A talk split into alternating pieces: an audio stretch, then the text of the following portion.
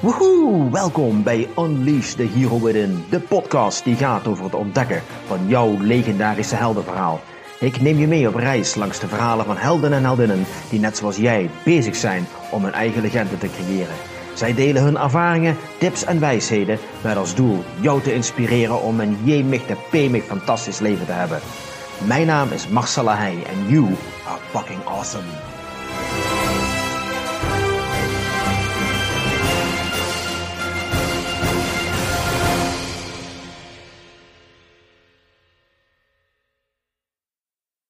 Hoppa! Eh, Ik bedoel, tjaka! Welkom bij een nieuwe aflevering van Unleash the Hero Within. Vandaag is een bijzondere dag, want vandaag ben ik te gast bij Emiel Ratelband. En als je denkt aan persoonlijke groei en ontwikkeling, dan mag deze man in geen enkel lijstje ontbreken. Hij is namelijk de vuurloper die persoonlijke ontwikkeling naar Nederland heeft gebracht. Hij heeft inmiddels 12 boeken geschreven en ontelbare workshops en lezingen gehouden in Nederland, Duitsland, Turkije, Rusland en recentelijk zelfs in Thailand en China. Hij werd een miljonair op zijn 21ste en ging failliet na het volgen van het advies van zijn financieel adviseur. Eind jaren 80 vertrok hij naar Amerika en daar verkocht hij zijn poffertjesrecept voor 5 miljoen dollar aan Michael Jackson. Vervolgens kwam hij in contact met Tony Robbins en ging hij voor zes maanden bij hem in de leer om daarna zijn kennis, wijsheid en inzichten met Nederland te delen. Hij vertelde me onlangs dat hij in het begin zelfs geld moest betalen om lezingen te geven. Maar als je een grote droom hebt, dan laat je je door dat soort bullshit niet uit het veld slaan. Hij is inmiddels 71 jaar jong, heeft de energie van een jonge hond van 49 en wordt zelfs binnenkort weer vader. Ik ben bijzonder dankbaar en trots dat ik vandaag mag praten met de man, de myth, de legend, de enige echte, Emiel Ratelband. Nou, allemaal te veel eer, te veel eer. Maar je hebt je wel goed ingelezen en in... eh, eh, want alles wat je zegt, dat klopt. De meeste mensen zijn natuurlijk helemaal vergeten dat ik eh, de eerste was in Nederland die dus met persoonlijke ontwikkeling aan de slag ging. Want eh, ja, er is een tijd geweest, het was 1986, 87, er bestonden er helemaal geen zelfhulpboeken. Dat bestond gewoon weg niet. En eh, ja, toen ik uit Amerika terugkwam, was ik de eerste public speaker en de eerste consciousness expander, zoals dat in Amerika heet. Consciousness expander, dus bewustzijnsverruimer. En eh, ja, dat is natuurlijk iets wat heel veel mensen vergeten zijn. En dat, dat moet ook zo zijn, want het gaat niet om gisteren, het gaat gewoon om vandaag en om morgen. Dus ja, helemaal fantastisch. Ja, ik moet zeggen, ik was net even een boek aan het pakken. Dat Ja. heet eh, Hoe vind ik mijn lief? En ik Ja. eh, keek even naar de eerste pagina en daar zie ik staan: Dank u voor de gift dat ik mag zijn wie ik ben. Ja. Dat vind ik een hele mooie. Dus dat is mijn volgende vraag: wie is Emiel Ratelband? Wie is Eenmaal Raderband? Ja, dat is natuurlijk, eh, van elk mens is dat afhankelijk. Iedereen heeft natuurlijk een, een andere ervaring. Doordat ik uitgesproken ben in mijn mening, omdat ik de eh, heilige overtuiging heb dat datgene wat ik zeg, dat het zo simpel is dat het ook waar is, heeft iedereen toch een andere, eh, eh, ander beeld, ander gevoel, ander geluid bij Emiel. Dus iedereen ziet dat anders. Wie eenmaal zelf is, ja, dat, eh, dat kan ik natuurlijk zelf beoordelen. Maar dat is natuurlijk het, het grote geheim eh, waar ik nog steeds mee bezig ben. Niet worstel, maar wel mee bezig ben. Want hè, zoals dus de, in Delphi het grote geheim staat, hè, ken u zelf, eh, is dat eigenlijk iets wat op moment supreme is, ja, eh, wat, wie is ik? Dat is, is dat de ego? Is dat de ziel die je reïncarneert in? Of is het de geest, dus je hersenen daarboven, die dus een bepaald eigenbeeld gecreëerd heeft? Of is het eigenlijk een afspiegeling van je fysieke kwaliteiten? Eh, ik ben daar nog steeds niet achter. Ik eh, kloot maar een beetje aan, om het maar eens even zo te zeggen. Dat zijn de woorden van Appel. Ik haal Appel. En ik, ik ben op zoek en ik ben de mening toegedaan dat je klaargemaakt bent voor iets. eh, dat je daarom op je pad, wat je meemaakt, en dat is voor elk mens is dat anders, is dat jij die dingen die op jouw pad komen, dat jij die kunt verstaan en iemand anders hoort ze niet eens. En eh, dus ik zit in die ontwikkeling. En eh, dat zit ik eigenlijk mijn hele leven al. Het vervelende, of het rare, of het bijzondere, of het. Ja, ik weet niet hoe je dat noemen wilt. Is dat ik namelijk wel mijn hele leven al bewust ben geweest van het feit dat ik eigenlijk anders ben dan anderen. Dat, natuurlijk is iedereen anders dan anderen. Maar dat ik mijn hele leven lang al anders denk dan anderen. En dat was zo mooi, eh, een jaar of vijftien geleden kwam ik mijn oude kleuterjuf tegen, mevrouw Hoefsloot. En uh, mevrouw Hoefsloot herkende mij gelijk. Iedereen zegt dan gelijk, ja, maar je komt zo vaak met je kop op de televisie, dus uh, dan geen wonder dat die mevrouw jou dan herkent. Nee, maar die mevrouw die herkende mij wie ik was. En dat vond ik zo mooi, want ze had natuurlijk in die 55 jaar, had ze natuurlijk elke, elk jaar 30 of 40 leerlingen gehad. En dat ze dus dan naar ruim 20.000 andere leerlingen, dat ze dan nog mij herinnerde. En ik vroeg aan haar dan ook van, ja, hoe komt het nou dat u mij dan nog weet? En toen zegt ze nou, ze zegt, je was altijd zo anders dan iedereen. En op een zeker moment was er iets, en ik weet niet meer wat dat was, zei de mevrouw, juffrouw Hoefsloot, heette ze. En die zei namelijk, en toen zei jij, was je vijf jaar, toen zeg je, ach, ik maak me er niet zo druk om, want de hand van God rust op mijn schouders. En het rare is dat ik dat nog regelmatig zeg. En ik weet niet eens dat ik dat in mijn hele leven gebruik. Maar dat is wel zo, dat geloof ik ook.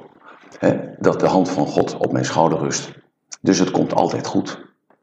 En met die gedachte of wetenschap, of dat gevoel, of ja, wat het ook mogen zijn. Want ik ben helemaal niet christelijk opgevoed, dus daar komt het echt niet vandaan.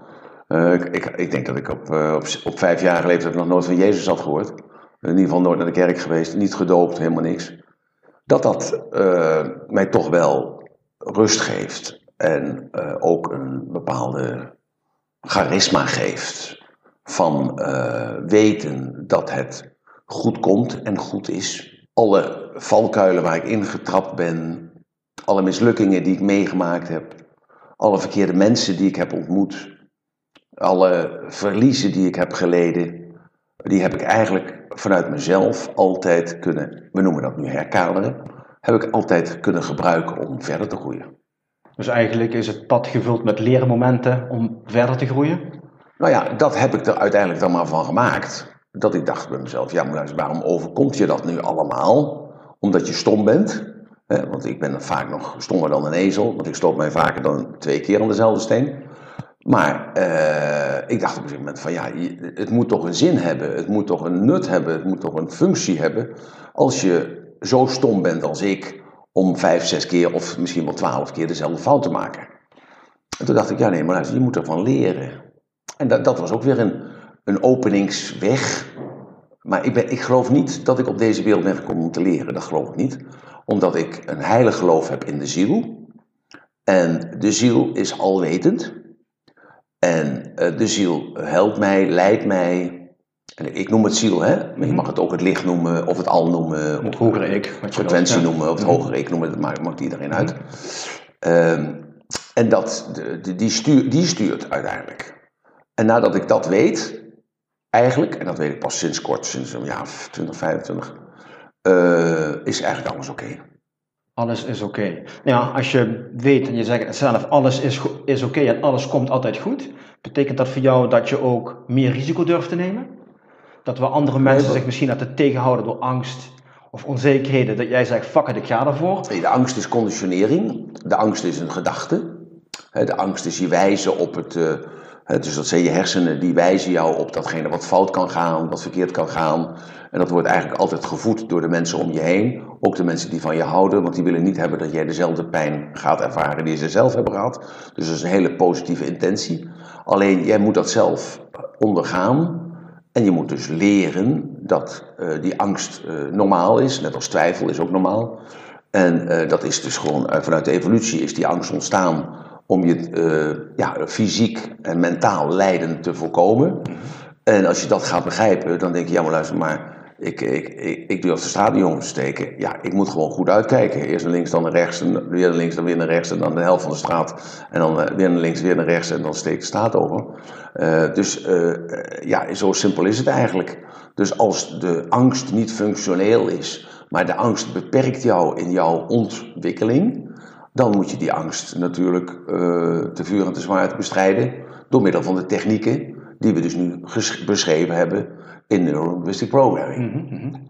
Okay. Ja? Wat zijn de grootste angsten die jij overwonnen hebt? Want je zegt net, hè, ik maak heel veel fouten, ik heb heel veel valkuilen en gezin, je hebt ontzettend veel succes.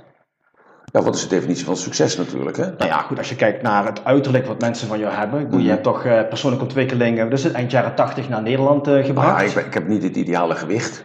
Hè, ik ben, eh, mijn BMI is te hoog, hè, als je zegt eh, wat dat betreft, weet je wel. Dus er valt natuurlijk altijd wat eh, te bekritiseren. En dat hebben mensen ook altijd. en dat mag. ik ben succesvol uiterlijk, maar ik ben natuurlijk alleen maar innerlijk succesvol. Of niet innerlijk succesvol. Dat is het enige wat telt. Gelukkig zijn. En gelukkig zijn kun je niet altijd. Dat zijn momenten. Mhm. Dus het is niet zo dat je, de hele, dat je 24 uur per dag gelukkig bent. Eh, het is zo dat je dus momenten hebt dat je bewust bent van het moment, dat wat je ervaart op dat moment. En dat je denkt bij jezelf, ja, ik heb het goed voor mekaar. Eh, ik, heb het, eh, ik, ik kan me financieel kan ik me bedruipen. Ik heb mijn kind bij me. Ik heb een goed contact met. En dan denk ik ook aan dat ik geen goed contact heb met anderen. En dan denk ik, ja, wat, wat kan ik daaraan doen? Nou, daar kun je niks aan doen, want het is hun keuze. Nou, dan voel je je even shit. En dan denk ik mezelf, ja, oké, maar laat me nou even richten op datgene wat me wel goed doet voelen. Eh, en dan heb je ook weer weer het verwijt van, ja, maar luister, dus ik heb iets anders nodig om me goed te voelen. Dat is ook niet goed. Dus dat is dan een soort drugs. Hè? Dat kunnen dan je kinderen zijn, of je werk zijn, of de prestatiedrang zijn. En dat is denk ik dan ook weer bij mezelf, ja, dat is ook helemaal niet erg. Dat je je ook weer eventjes laat leiden door iets uiterlijks. Want we hebben de stof gekregen, het lichaam gekregen om onszelf te mogen manifesteren. Dus dat mag ook best, alleen je moet je daar niet als mens, wie dat dan ook mogen zijn, op voorstaan dat je daarom succesvol bent. Dus je bent succesvol voor jezelf. En daar zijn natuurlijk de voorbeelden van. Kijk naar Elvis Presley of Monroe. Of kijk naar de Club van 27. Dat zijn artiesten die op zijn 27-jarige leeftijd zelfmoord gepleegd hebben. Denk aan Michael Jackson, denk aan Prince.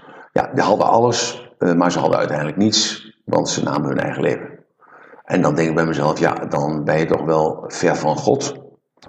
En ik zeg God, maar dat mag Boeddha zijn, dat mag eh, Jehovah zijn, dat mag eh, Allah zijn. Dat maakt niet uit, al heb je daar een bloem of een plaatje bij, dat, is, dat maakt niet uit.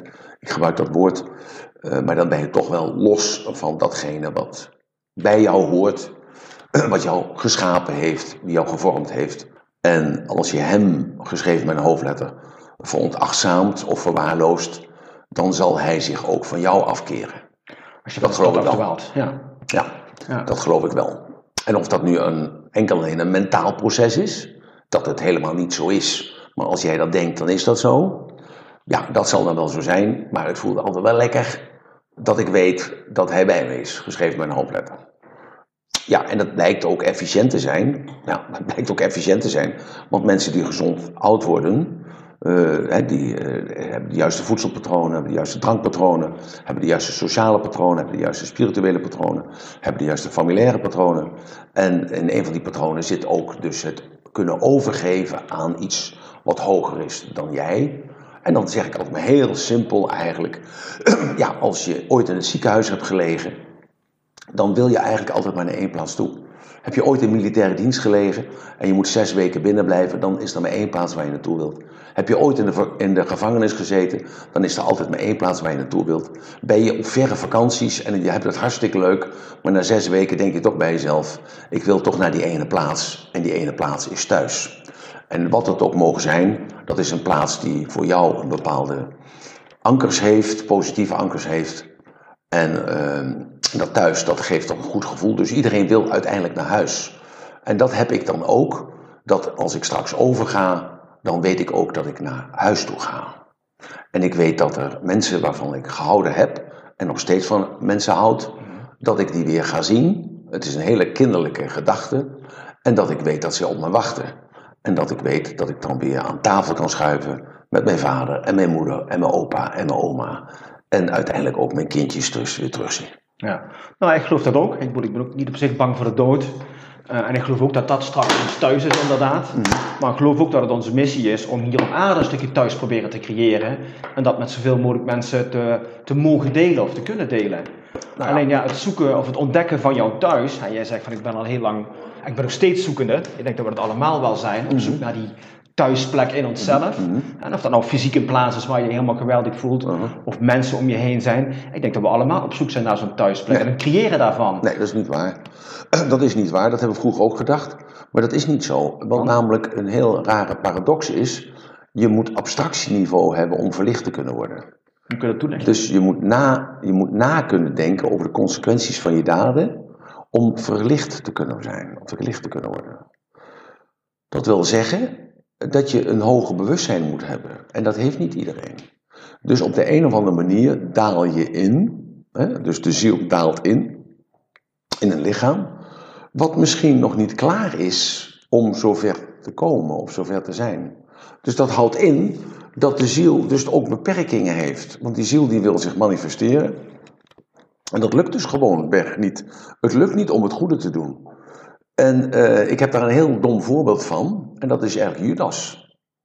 Dus mensen die geloven in dat Jezus gekruisigd is voor hun zonde. Die moeten eigenlijk heel dankbaar zijn voor Judas. Want als Judas Jezus niet had verraden die avond.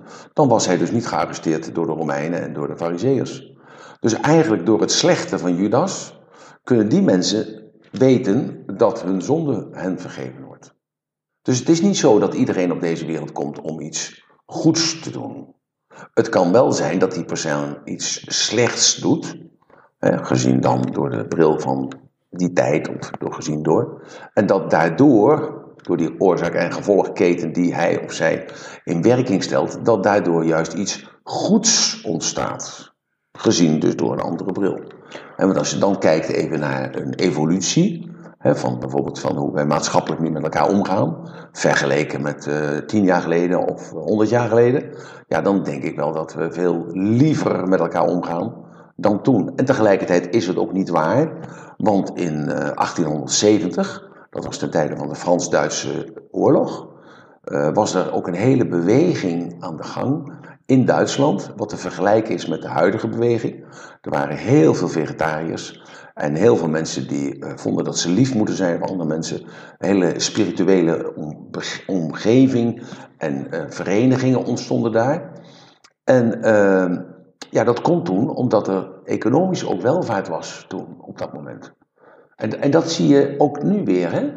dat er uh, die, die, behoefte tot, tot verdieping, hè, dat is de piramide van Maslow eigenlijk, mm -hmm. en dat als al die basisvoorwaarden is voldaan, dat je dan weer toekomt aan jezelf. Alleen het enige verschil is toen en nu, is dat het toen alleen maar voor een hele beperkt groepje was. Een heel beperkt groepje was. Uh, want dat waren mensen die uh, ja, financieel verzorgd waren en onafhankelijk waren. En die konden genieten van de welvaart. Maar ja, de normale fabrieksarbeider die moest 60 uur werken.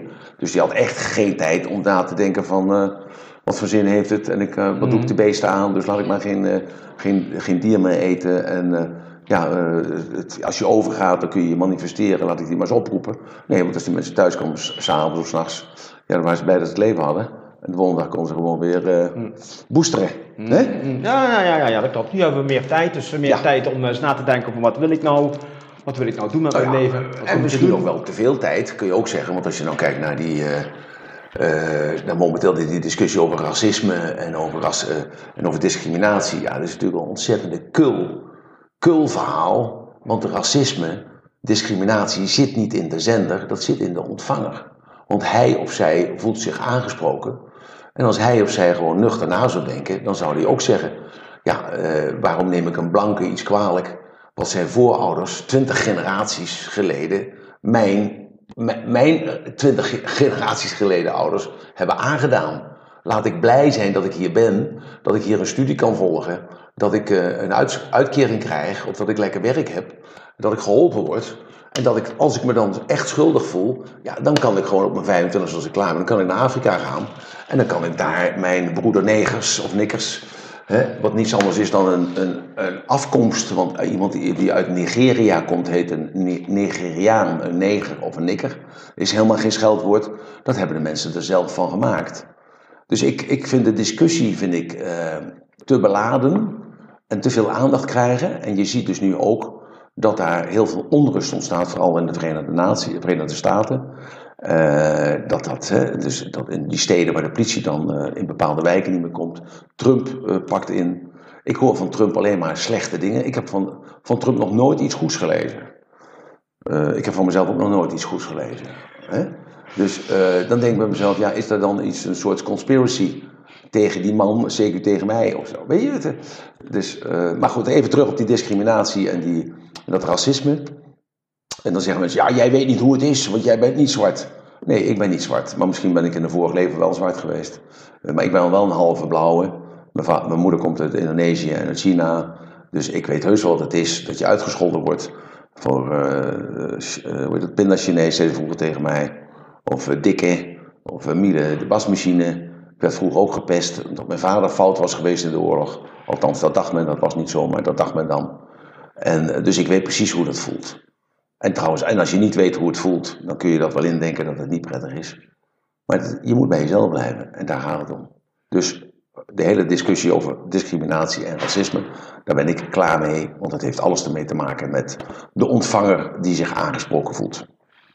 Oké, dus in die zin hebben we misschien iets te, eh, te veel tijd gekregen op dit moment om over dat soort dingen na te denken, terwijl dat eigenlijk helemaal niet zo belangrijk is. Nee, want je moet ook leren om met je tijd om te gaan. Hè? Eh, Want eh, net zoals dat de verantwoordelijkheid geeft dat je nu de keuze hebt om wel of niet naar de kerk te gaan. Of te zeggen, twee generaties geleden was het gewoon heel logisch. Jij komt uit het zuiden. Werd je gewoon gestuurd naar de kerk. En je had geen keuze, protestant of eh, rooms. En je was gewoon hele, het hele dorp was rooms, dus jij bent ook rooms. En, je, en jij groeide op daarmee.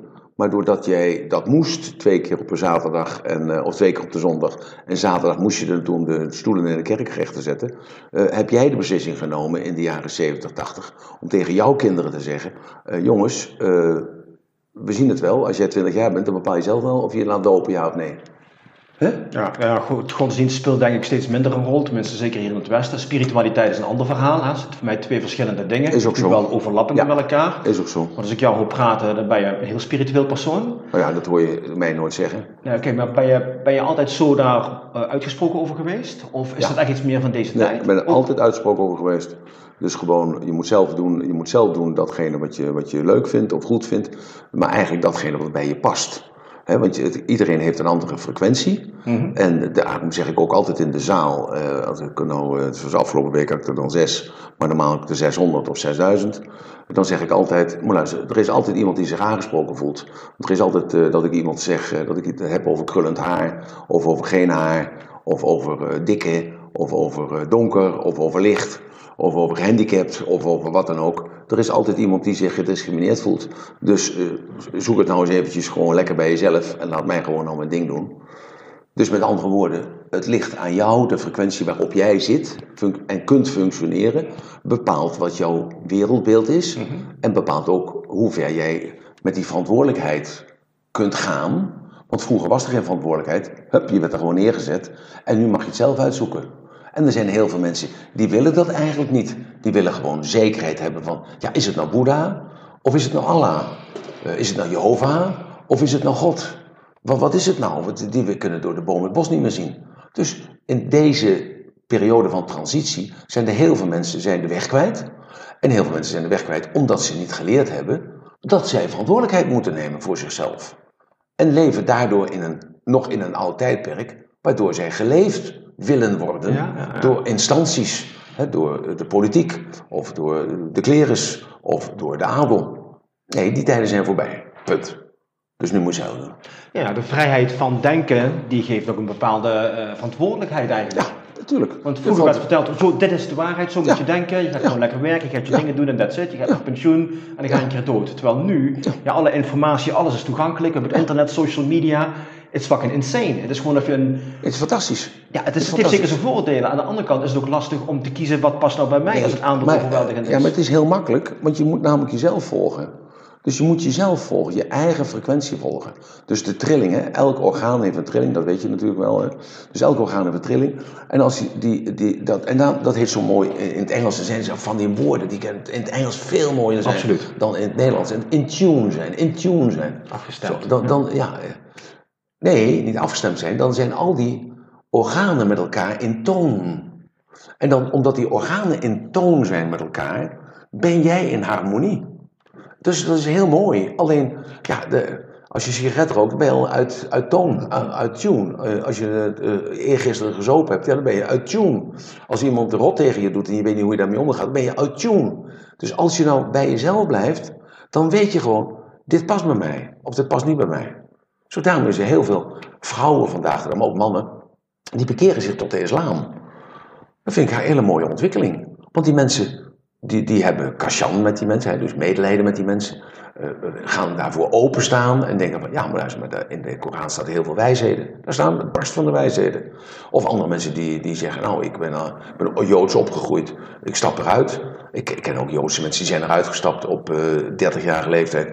En op 70-jarige leeftijd gingen zij zich verdiepen in de geschiedenis. En dan gingen weer terug naar het Jodendom. Omdat ze een, een frequentie veranderd hadden. Ja, dus, dus het is de eigen keus. Maar de eigen keus, want wat past bij jou? Ja, maar dat is toch wel een ontdekkingsreis op zich. Dat jij vertelde ook, dat je bent je hele leven lang al bezig met die ontdekkingsreis. Ja, en wie ben ik, wat kom ik hier nou doen? Wat kom ik brengen? Waarom maak ik de dingen mee die ik meemaak? Ja, ik geloof ook dat jouw emoties, die zijn een soort kompas, die jou vertellen welke richting je op mag gaan. Mm. als jij dingen doet die niet goed aanvoelen, nou, dat, ja, dan is dat ook zo. Ja, maar, de eerste, maar als eerste moet je natuurlijk leren dat dat gevoel niet dat gevoel is wat jou doet bewegen om van de snelweg af te rijden, omdat je onbewust die grote gele M gezien hebt. dat je dus uh, één keer denkt bij jezelf, hé, hey, waar gaat die auto naartoe? En dat je rechtsaf stuurt. En denk je, ja, ik doe aan de lijn. En dat je alleen maar dus die grote bladeren sla en die grote vers gesneden komkommers en tomaat ziet, die op die hamburger geradeerd worden. He, want in je hoofd is dat veel gezonder als dat hele kleine stukje vlees op dat hele kleine witte broodje. Zo, dus uh, dus dat, is, dat is, dat, de meeste mensen denken dat dat gevoel is, maar dat heeft natuurlijk niets met het gevoel te maken. Nee, dat is natuurlijk de stimulus. Ja, ja. ja oké. Maar oké, dus, dus, dus uh, ja, precies. Dat is gewoon een stukje marketing inderdaad. Ja. Maar goed, het, tussen jouw gevoel volgen en uh, denken wat je aan het denken bent, is ook nog een verschil. Ja. Want wanneer is jouw, is jouw brein nou een verhaal aan het vertellen, of wanneer komt dat uh, gevoel nou vanuit je hart of vanuit je ziel? Ja. Daar al onderscheid proberen te maken is een lastige. Ja. Heb jij al ontdekt hoe je daar verschil tussen kunt maken? Ja, ik weet drommels goed wanneer ik uh, comedie speel, om het even zo te zeggen.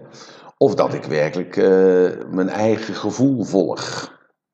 En dat ik denk van, oké, okay, fuck de mol en ik doe gewoon datgene wat ik moet doen. Dus ik heb bijvoorbeeld ook de afgelopen zaterdag dat, eh, dat seminar gegeven. Dus ik, uh, nou, dat was ontzettend dat is een topervaring om dat te doen. En, uh, Wat maakte het een topervaring? Dat maakt een topervaring omdat je je kennis deelt, je tijd deelt, je aandacht deelt, je liefde deelt. Uh, je, je, ja, alles wie je bent, je, je, je persoon deelt. En dat vond ik zo mooi. Ik was de week daarvoor was ik in, in Venlo. En toen zei Martin tegen mij, de volgende dag, die belde mij. En die zei tegen mij van, uh, ja, ik, ik heb zoveel complimenten gekregen om wat voor mooi mens jij bent. En toen dacht ik bij en toen zei ik ook tegen hem, ik zei, ja, maar daarom ben ik nog niet uitgenodigd. Ik ben uitgenodigd om iets te vertellen over body logic, over het lichaam en over de taal daarvan. En toen zei hij, ja, zit in mij, ze vonden allemaal dat je zo'n fijne vent was. En toen dacht ik, ja, zie je, dat is dan toch het geheim, op de een of andere manier. Ik ben dan gewoon mezelf. En in dat, in dat mezelf zijn vertel ik dus wie ik ben, uh, wat mijn gevoelens zijn, wat mijn emoties zijn, wat ik meegemaakt heb, het verdriet, de ellende en tegelijkertijd ook dus de hoogtepunten. En dat die mensen dus eigenlijk helemaal niet voor het verhaal komen. Die komen gewoon voor. Het verhaal is een excuus om te komen. Maar ze komen dus dan voor die persoon. Voor de ervaring. Ja. Ja, de emotie, de verbinding. Ja, maar dat is toch een uitwisseling van energie. Op het moment dat jij jezelf durft te laten zien, jezelf durft te zijn, dan kom je toch op die hogere energiefrequentie Ja, maar ik denk helemaal niet in termen van durven, ik denk om mezelf. Dus, dus ik, ik, ik ben helemaal niet zo, snap je? Ik... Oké, maar aan de andere kant zeg je, hè, iedereen zei van, oh, dat valt er reuze mee. Die Emiel, uh, toffe peer, gezellige vent, en hij vertelde open en hij was lekker zichzelf. Ja. Maar dat betekent ook dat ze blijkbaar een ander beeld van jou hebben. Ja, Hoe hebben ze dat andere beeld dan gekregen? Nee, omdat je natuurlijk. Uh, kijk, ik, ik, ik, geef een seminar, of ik geef een interview, of ik, uh, ik heb een boek geschreven. En een, uh, een reporter die schrijft erover, of die laat het zien. Ja, die laat natuurlijk alleen maar de spraakmakende dingen zien. Hè? Dus die laat alleen maar zien dat iemand in het glas springt of zo. Of zoals afgelopen week dan mensen in, bij, bij 100 muizen in een kooi gaan liggen. zo, dus dat is dan spraakmakend en dat wordt uit zijn verband getrokken. Want ze begrijpen, ze vragen er ook niet naar, dat, dat is natuurlijk het meest rare. Maar ze vragen er ook niet naar, wat is dan de betekenis daarvan? Dus natuurlijk heeft het een functie. Het heeft een functie in de, in de hoedanigheid van dan, als trainer zijnde, hè, als coach, om dus mensen dat te laten doen. Om ze hun grenzen te laten verleggen. Want de enige manier om te groeien is het, het oude, het vertrouwde achter te laten. En de moed te hebben, elke keer weer, om in iets te stappen waarvan jij denkt van ja, hoe zit dat nou? Waar is het plafond? Waar is de vloer? Wat, uh, wat, ga ik, wat gaat het me kosten? Zo, en dan, ja, dat, dat, dat durven de meeste mensen niet. Want die zijn veel te bang dat ze iets verliezen. Maar dat, door, juist omdat ze bang zijn om het te verliezen, verliezen ze het juist. Dus ook weer zo'n paradox. Ja, maar is het niet goed om iets te verliezen wat misschien een minder goede versie van jou is? Ja, ik wil stel je voor dat, hè, je had die kleine lezingen Venlo, ik was er zelf ook bij. Stel je voor, daar zat nou een journalist en die had dezelfde ervaring meegekregen als al die andere bezoekers. Dan had hij misschien een heel ander verhaal over jou geschreven dan de spraakmakende dingen die uit zijn verband worden getrokken. Ik denk het niet, want het verkoopt niet. Daarom, daarom is het vandaag de dag, je leest alleen maar over corona en COVID-19 en over eh, dat er een fout gemaakt is en dat de testen fout zijn en dat er weer 700 mensen bijgekomen zijn en dat de grenzen weer dicht moeten enzovoort enzovoort. De- de- de- Er is, de- de- daar heeft de journalist alleen maar over. Het zijn gouden tijden voor de jongens. Ja, maar dat is klote nieuws? Dat is toch allemaal klote nieuws? Wie wil Nou, ik bedoel, nou, nou, dat is verkoopt. focus? Ja, maar het is, ja, ja, maar het is, toch? Ja, is dat zo? Ja, dat ik is denk dat er steeds meer mensen zijn die zeggen van luister, ik ga me focussen op ander nieuws. Ik, ik, ik kijk al jaren geen nieuws meer, ik Het lees geen kranten meer. Eh, eh, Bel maar met Zoma, eh, de, bel maar met de Telegraaf, bel maar. Jongens hebben nog nooit zoveel kranten verkocht, nog nooit zoveel weekbladen verkocht, nog zoveel dagbladen verkocht. Gewoon giga booming business. Mensen verdienen geld als water. Ja, dat is toch mooi, maar dat is toch gewoon. Ik, ik, zeg, ik snap dat wel, hè? een zakelijk iets, geweldig. Succes ermee, maar dat is niet waar ik bij wil zijn. Ik wil me focussen op het positieve. Kijk, Ja. voor beide verhalen zijn natuurlijk bewijsstukken te vinden. Ja, maar ik heb zelf de eh Ratelkrant uitgegeven. Dus dat heb ik gedaan eh, in de jaren negentig. dat heb ik gefinancierd. Dat heb ik geloof ik twee jaar volgehouden, elke maand volgeschreven. Kostte elke maand kostte dat 10.000, 20.000 piek. En ik heb daar eigenlijk nooit een, iets positiefs over gehoord. Ja, van mensen die in de zaal kwamen, die vonden het allemaal fantastisch. Die het daarna kregen, die vonden het fantastisch. Maar ik heb daar nooit een positief artikel over gehad in, eh, in een weekblad of zo. Of eh, wat een goed initiatief. Of dat ze het overgenomen hebben. Of dat ze... Ik heb nooit ergens gelezen, in, in wat voor blad dan ook, van... eh, ja, de bron is de Ratelkrant. Ja, ja. En de. Ratelkrant ging alleen maar over positief nieuws. Het ging alleen maar over positief nieuws. Ik had radioprogramma's elke morgen om zes uur, half zeven. En dan eh, moest ik eh, ja, om, om vijf uur natuurlijk mijn nest uit. Om eh, dan te kijken van wat stond er in de krant. Nou, en dan moest ik dan het positieve verhaal vertellen. Ja. Dus dus de, de discjockey had dan net de negatieve versie verteld. En ik vertelde daar dan de positieve versie van. Want er zit altijd iets goeds in. Nou ja, dat heb ik twee jaar gedaan. En toen zeiden ze nou, we hebben het wel gehad. Want niemand luisterde, niemand was meer geïnteresseerd. Ze vonden het wel leuk, maar niet, het was niet waardevol. Nee, nee, ik geloof ook dat heel veel mensen zich aangetrokken voelen tot slecht nieuws. Want Ja. dan kunnen ze dat weer gaan matchen met hun eigen leven en zeggen, nou zo slecht heb ik het helemaal niet. Eh, nou, dat is ook iets, maar dat is natuurlijk een hele foute denkwijze. Zeker. eh, die heel veel mensen hebben. En dat is namelijk, je moet je nooit vergelijken met iemand die het slechter heeft. Je moet je altijd vergelijken met iemand die het beter heeft. Dan kun je Want groeien. van die persoon kun je leren. Ja, Maar goed, dan moet je dat concept ook begrijpen, dat je dus dat hem of haar als model kunt gebruiken. En de meeste mensen hebben dat niet. Die zeggen, nou maar luister, ik heb het zo shit, zo slecht, financieel slecht, relationeel slecht. Ik heb het op alle vlakken heb ik het slecht. Nou, dus als ik iemand heb die het nog slechter heeft dan zij, en vooral als het een bekende Nederlander is, nou, dan kan ik lekker in de handen wrijven van, nou, die kloosterkeper slecht. Dus het, eh, met mij valt het allemaal nog wel mee. Of wij kunnen, hebben alle twee hetzelfde, kunnen elkaar de hand geven. ja. Nou, dat is heel triest, want die mensen hebben zelf niet in de gaten dat ze hun negatieve energie gewoon zo in stand houden. Nou ja, dat is niet triest. Het is meer, eh, ze ik zijn er niet aan toe. Ze zijn, nee, maar dat is nou negatief. Dan ga je mee in de oké. gedachten. Ik, maar ze zijn, oké, ze zijn er niet aan toe. Maar goed, het begint natuurlijk wel met een ommekeer. En natuurlijk, die ommekeer zal hartstikke moeilijk zijn. En het is veel makkelijker om het vertrouwde pad te blijven bewandelen, ook al is dat slecht voor je, dan te kiezen voor verandering, een onbekende pad, met een kans dat het beter gaat worden. Ja, maar goed, Dus we maar ja, blijven liever datgene vasthouden wat slecht niet is. iedereen is natuurlijk die moed. En niet iedereen heeft die kracht. En niet iedereen heeft... De, de, daarom zeg ik, dus dat, dat die paradox is, zonder abstractieniveau kun je niet verlicht worden. Eh, niet iedereen heeft ook dus de fantasie of de, de kinderlijkheid of de, avontuur in zich om dus daarvan eh, de challenge aan te gaan. En te zeggen, van, ja, ik, eh, ik loop het risico wel. Hoeveel mensen zitten er in een baan die, die waar ze eigenlijk helemaal... 70% van de mensen zit in een wetenschappelijk onderzocht. 70% van de mensen heeft een baan waar ze eigenlijk heel diep ongelukkig in zijn. Nou, als die 70% nu allemaal ontslag neemt, ja, dan hebben we toch echt een groot probleem. Hè? Eh, maar ik denk, hoe kan dat nou komen? Ja, dat komt omdat heel veel mensen de droom van hun vader of hun moeder leven. Ja, en, en nog steeds daarin zitten. Ik, laatst gaf ik een stukje op eh, LinkedIn, op eh, mijn ratelbandje. Dat was toen nog de ratelquote. En, dat ging dus dan over, over dat je in de schaduw van je vader of van je moeder stond. Andere stond een hele discussie over dat je vader geen schaduw had. En, die mensen hadden dat helemaal verkeerd geïnterpreteerd. Die gingen daar heel emotioneel gingen ze daarin. Een hele discussie geworden.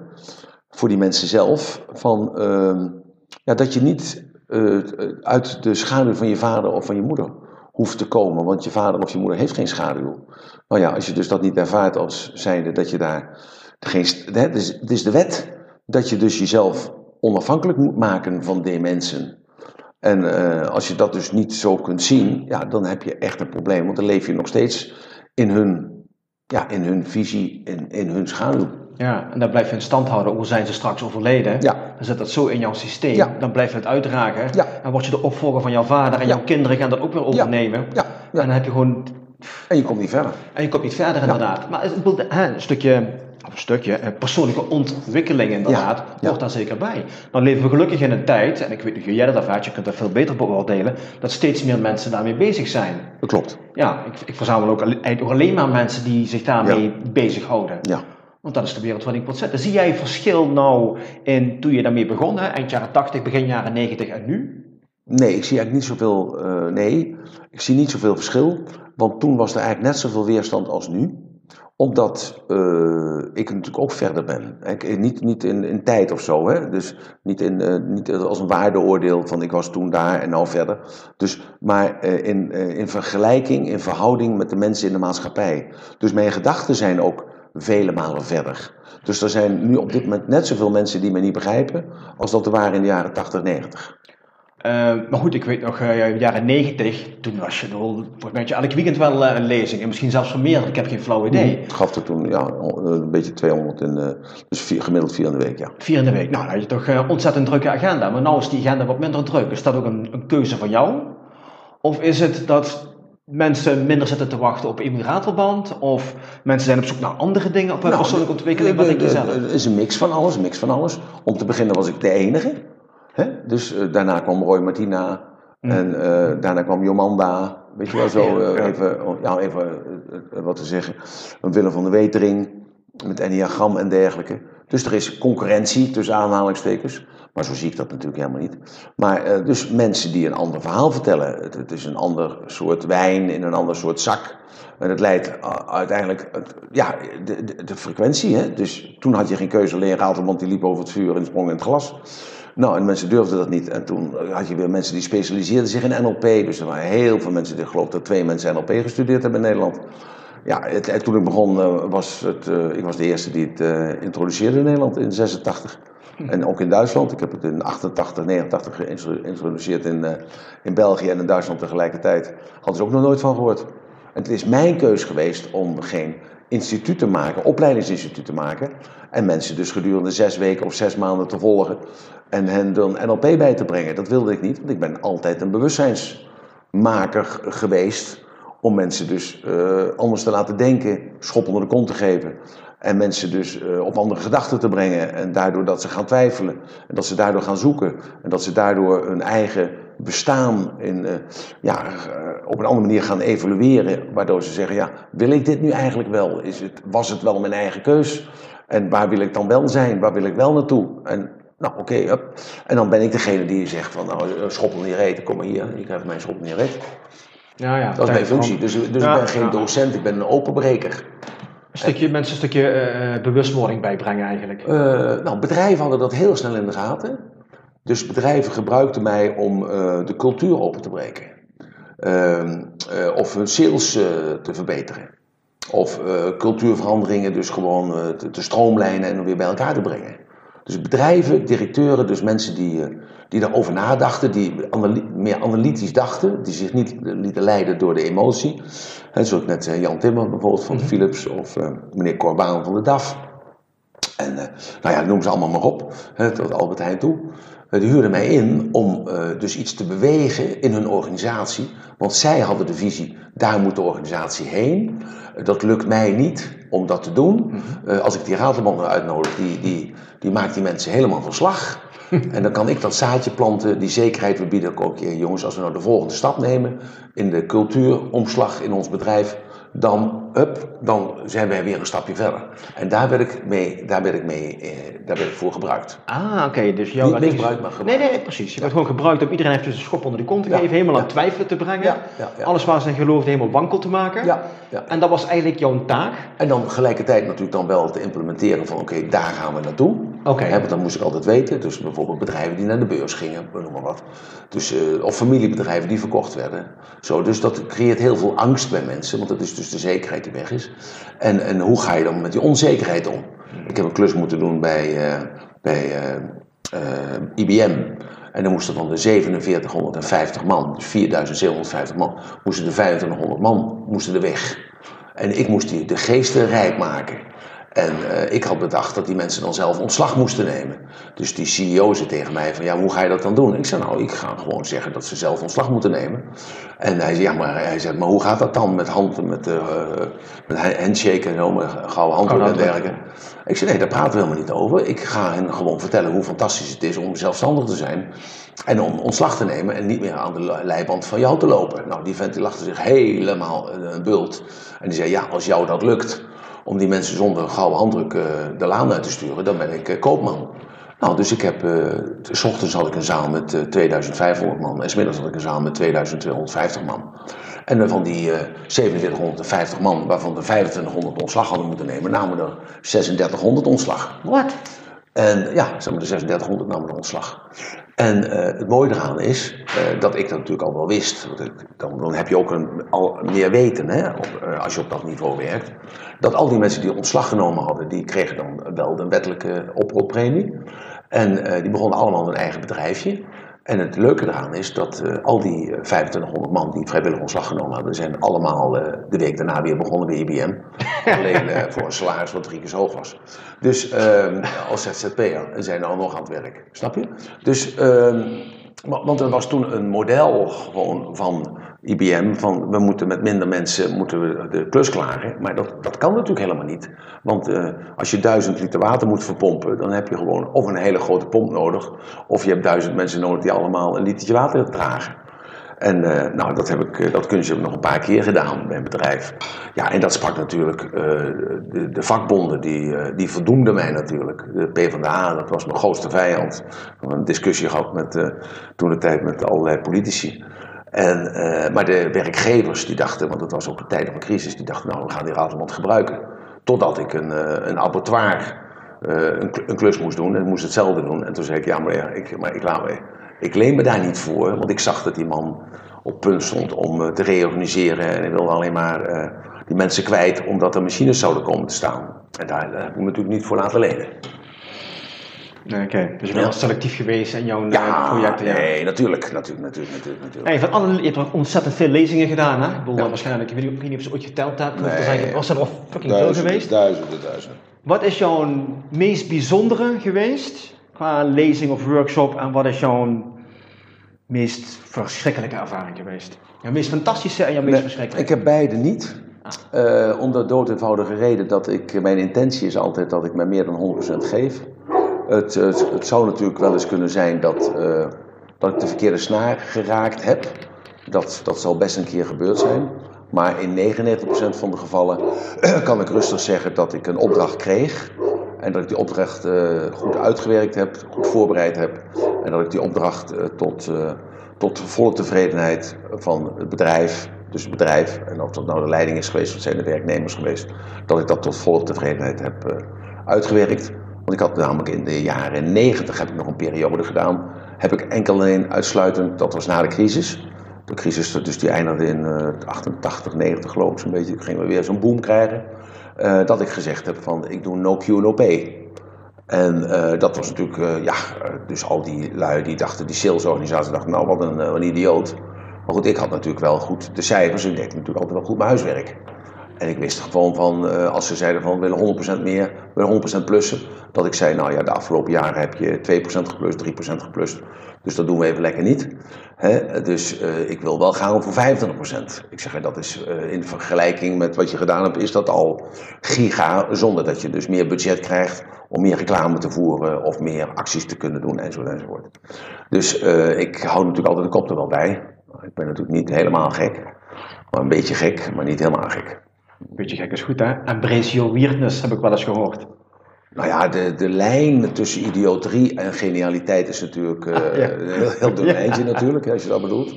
Dat is natuurlijk ook zo. Uh, dus ik neem mensen ook niet kwalijk. En ook niet in mijn relaties. Dat uh, bijvoorbeeld vrouwen worden verliefd op mij. Die worden verliefd op mij zoals ik ben op het toneel. Uh, of worden verliefd op mijn geld. Of worden verliefd omdat ik een goede spermadonor zou kunnen zijn.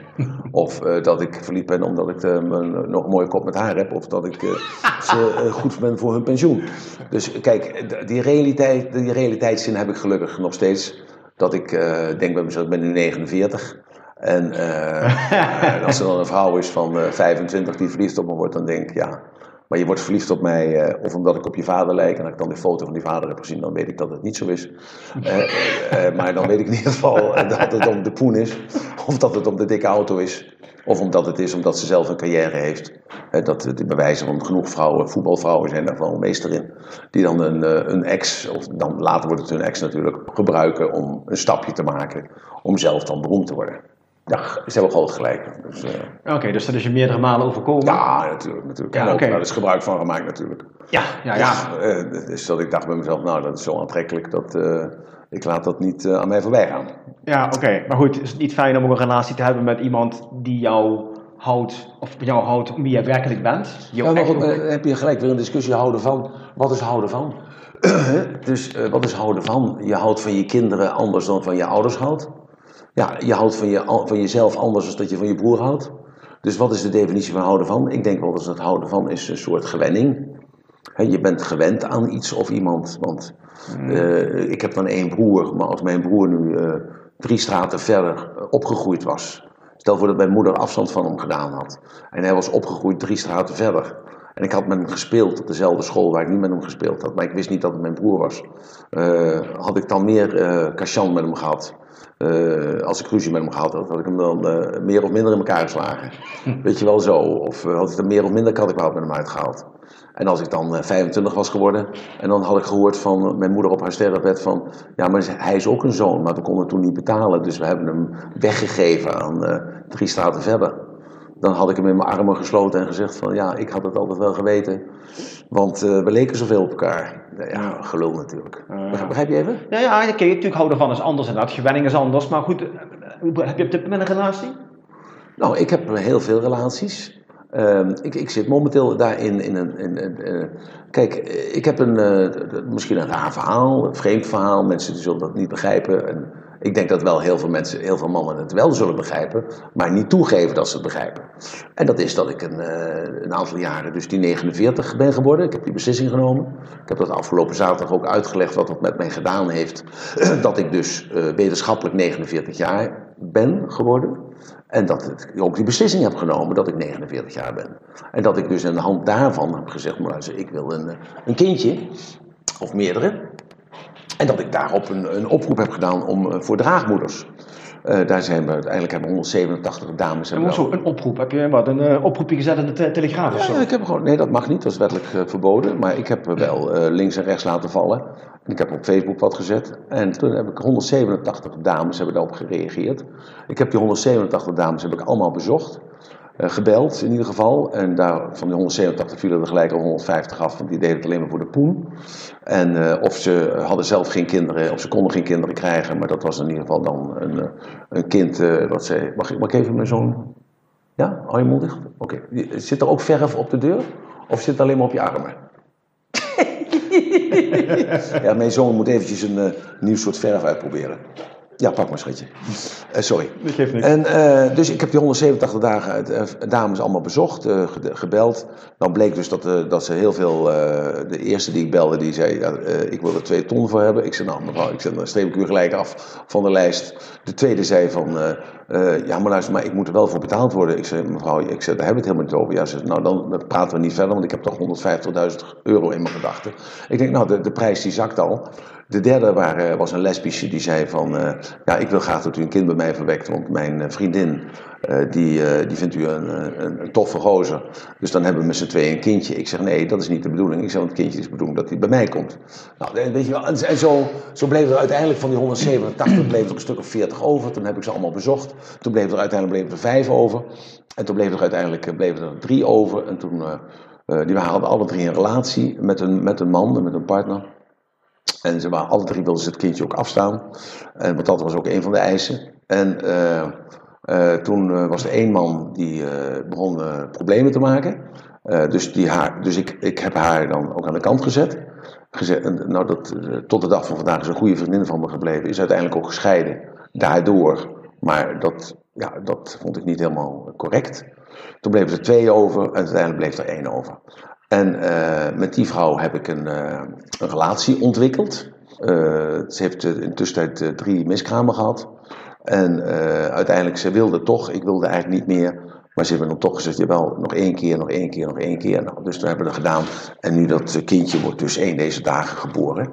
En ik heb, eh, eigenlijk ben ik heel close geworden met die vrouw. En is het eigenlijk zo dat ik een meer dan goede verstandhouding heb met die vrouw. En ik wil niet zeggen dat ik van die vrouw hou, maar ze heeft zich wel gemanifesteerd als zijnde van iemand die, ja, die wel heel goed bij mij past. En eh, wel eh, heel goed begrijpt, daarop anticipeert, mij ruimte laat, gewoon mijn ding kan blijven doen.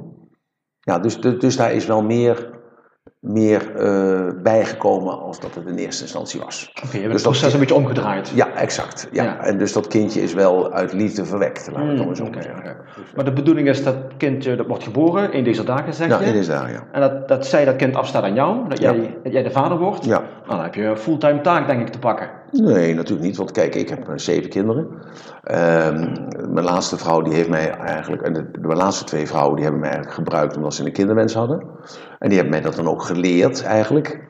Hè, dat, eh, dat ik was er eigenlijk als een soort... eh, ik mocht opkomen draven als zij iets te neuken hadden... of een spelletje hadden of ze werk hadden. En dan kon ik hun kind verzorgen. Dat heb ik ook altijd met, met liefde en met verve gedaan. Dus die vrouwen die hebben dat mij geleerd. Dat je dus ook met je tijd anders om kunt gaan. En dat er genoeg mensen zijn die dan voor je kind wil zorgen. Dus, dus het kind krijgt een plaats, die moeder blijft. Nu, hè, die afspraak hebben we ook gemaakt, die blijft. Eh, niet als, hoe moet dat zeggen, niet als de vrouw van Emil Ratelband.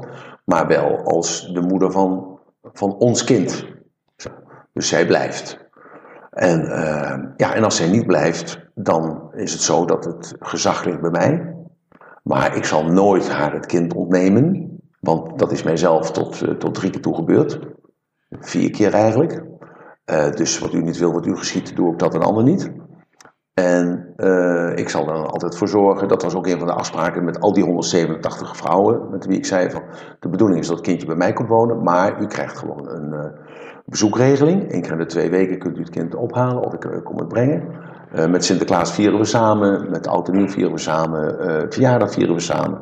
Dus u krijgt een volledige rol. En hij of zij groeit ook op met de wetenschap. Dit is mijn moeder. Ja.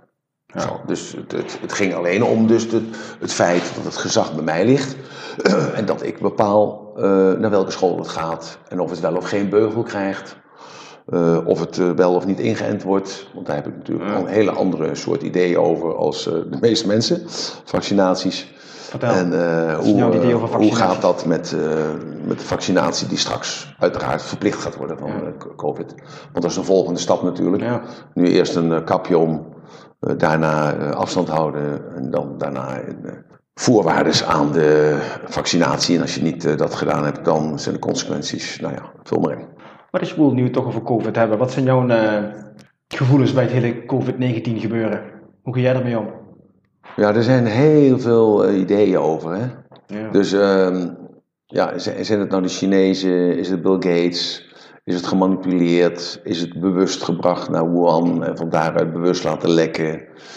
Is het eh, de Chinezen, hebben die dat gedaan? Of is het Greta Thunberg, hè, die eh, drie maanden daarvoor riep: we moeten minder vliegen, we moeten minder reizen, we moeten meer thuis blijven, we moeten lokaal zijn. Hè, dus die, die, eh, dat meisje, die, je weet wie ik bedoel, hè? dus die autist.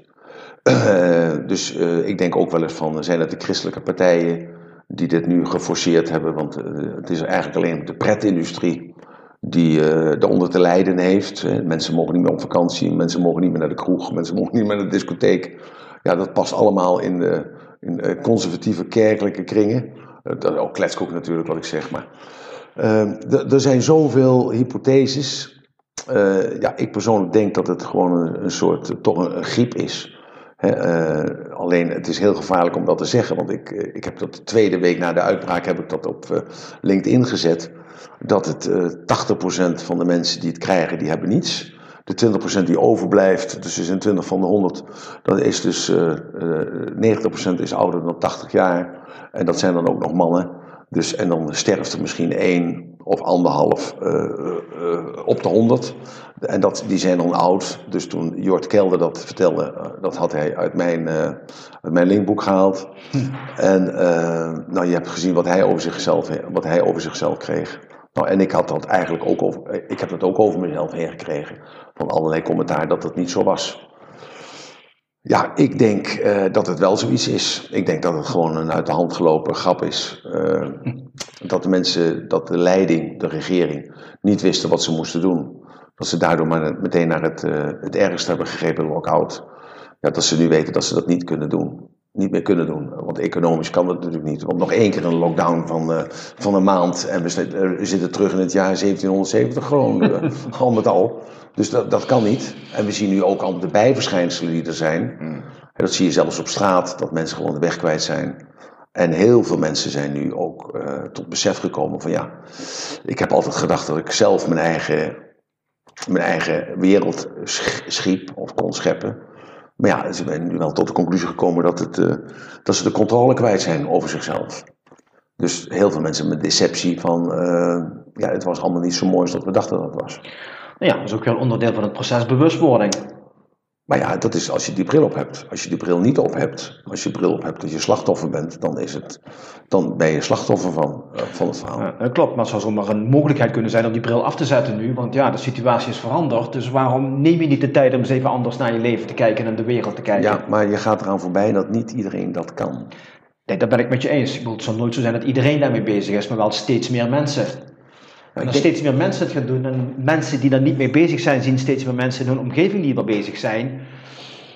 Ik, ik denk dat je parallellen moet trekken. Ik denk, uh, nogmaals, ik heb net verteld dat verhaal van 1870, hè, dat er dus in Duitsland, Oostenrijk, dat er een hele golf kwam van mensen die vegetarisch werden, uh, die, uh, spiritueel werden en dergelijke. dat hebben we gezien in het nationaal socialisme hè, in de jaren 20, 30 hebben we ook zo'n opleving gezien. Uh, dan moet je dat niet uh, verwarren met allerlei andere duistere praktijken die ze gedaan hebben. Maar wel gezien dat dat, dat dat volk wat verloren was na de Eerste Wereldoorlog, het verdrag van Versailles, dat dat opgegrepen werd door het nationaal socialisme. En dat dat te eten kreeg, te drinken kreeg, werk kreeg. een auto kreeg, autobanen werden neergelegd. daar was dus ook een soort revival, hè, bewustzijn. En ehm, ja, dat bewustzijn, dat hebben we gezien waar dat toe leidde, waar dat toe geleid heeft. Uh, dat bewustzijn in de jaren 1870, dat heeft uiteindelijk ook tot niets geleid. De vraag is nu, wat gaat er gebeuren met het bewustzijn wat nu ontwikkeld wordt dankzij dat COVID-19? Wordt dat getolereerd door de machthebbers? En daar kun je dan wel eens eventjes een heel, heel, heel groot vraagteken bij zetten. Want namelijk de machthebbers, dat zijn dezelfde machthebbers die dus 100 jaar, 200 jaar en 500 jaar geleden regeerden. want als we kijken naar de EU, is de EU uh, gewoon een Duitse droom geweest uh, van de jaren 1800. En de Duitsers hebben dat gerealiseerd. En als je de geschiedenis goed kent, dan weet je dat bij de, uh, de EEG, de oprichters van de EEG, waren voornamelijk de mensen die veroordeeld waren in Nuremberg waren daar de oprichters van. En ik zie jou verbaasd kijken dat je dat niet weet. En zo zijn er heel veel mensen die dat weten. En uh, de geschiedenis daar is daarmee ook heel groot vervalst. En daarom heb ik er ook heel veel problemen mee dat nu de VOC herschreven moet worden. Of dat Jan Peterson Koen uh, moet verdwijnen. Of dat dus al die, kwets, die zogenaamde kwetsende zaken voor een kleine minderheid van de Nederlandse bevolking, of van de wereldbevolking, dat dat nu eh, vernietigd moet worden of dat eh, foutief geschreven moet gaan worden. Want daardoor zal dan blijken dat we dus wederom niets geleerd hebben. Geschiedenis herhaalt zich. Dus de geschiedenis heeft ons één ding geleerd en dat is dat we niks leren van de geschiedenis. Maar dat is bij onze ouders is dat ook zo. Want jij hebt eh, ellende mee moeten maken en je doet er alles voor om ervoor te zorgen dat jouw kind die ellende niet mee hoeft te maken. Dus je zult je helemaal kapot werken om jouw kind niet morgens om vijf uur een krantenwijkje te moeten laten hebben. Of in ieder geval, hoeft geen vakken te vullen bij de Albert Heijn of bij de Jumbo. Eh, maar juist doordat jij hem dat ontneemt, krijgt hij niet dezelfde kansen die jij hebt gekregen door dat hele vervelende werk als krantenbezorger, CQ vakken vullen. En dus jouw zoon of dochter, en eh, ja, ik, ik kijk ook in de spiegel bij deze en ik steek zelf ook de hand hiermee in mijn eigen dingetje, eh, dat, eh, dat je daardoor ook heel veel lessen aan hen ontneemt. En zij moeten dus dan wederom beginnen met hetzelfde waar jij, waar jij ook door mee bent Ja. Ja, te beschermend opvoeden is ook niet zo'n goed plan. Nee, maar ja. Inderdaad, dat zijn wel de toekomstige patiënten bij, bij de psychologen en de therapeuten en de coaches. Ja, maar goed, vandaag de dag is 50% van de Nederlandse bevolking die coacht de andere 50%. Dus dat is al normaal. Hè? En je hoeft geen diploma voor te hebben om jezelf psycholoog te noemen. En daarom heb je dan een GZ-psycholoog nodig. Die is dan wel erkend en die is dan wel gecertificeerd. Want die heeft dan een beroepsvereniging waarin je hem op kunt aanspreken. En een normale psycholoog niet. Snap je? Dus zo kom je aan een, heel, een hele discussie wat, eh, waar ik ook ingezeten heb met mijn kinderen bij jeugdzorg, eh, kinderbescherming. En ik zeg wel eens vaak als ik bij mensen in de discussie ben, dan zeg ik van... Ik heb nog nooit, maar dan ook nog nooit iets goeds gehoord van eh, de kinderbescherming. Of van de jeugd- en gezinsbeschermers. Of van het leger des heils. In de context van eh voogden en dergelijke. Nee, dan, dan iedereen geeft me daar eigenlijk wel gelijk in. En dan zeg ik dus ja, eh, zouden we dan niet daar eens mee moeten beginnen? Want als je kijkt eh, hoeveel echtscheidingen er zijn, hoeveel kinderen de klos zijn, ik geloof dat iets van 40.000 per jaar zijn, en die komen in de handen van, ja, van boeven, incompetente medewerkers van eh, bijvoorbeeld de William Schikkergroep of van de jeugd- en gezinsbeschermers of Leger Heils. Het zijn ook maar drie of vier firma's die dat uitmelken. En eh, het is totaal, het zijn misdadigers tot en met, ik heb er geen andere woorden voor. En gisteren heb ik nog eh, op mijn Facebook gezet van, je zult toch maar kind zijn van een eh, gezinsvoogd. En dan, en dan vragen aan je vader of je moeder van, "Ja, maar wat houdt je werk nou in? Terwijl je weet als gezinsvoogd dat je de boel manipuleert, dat je niets hoeft te bewijzen, dat de rechterlijke macht gewoon aanneemt datgene wat je zegt, zonder dat dat bewezen hoeft te worden. Ja, dat is gewoon schandalig dat dat kan in onze maatschappij. En zolang dat kan, leven wij niet in een beschaafde samenleving. Roepen dat soort eh, ervaringen, zeg maar, de strijder in jou op? Eh, ik heb mijn hele leven al gestreden voor de underdog.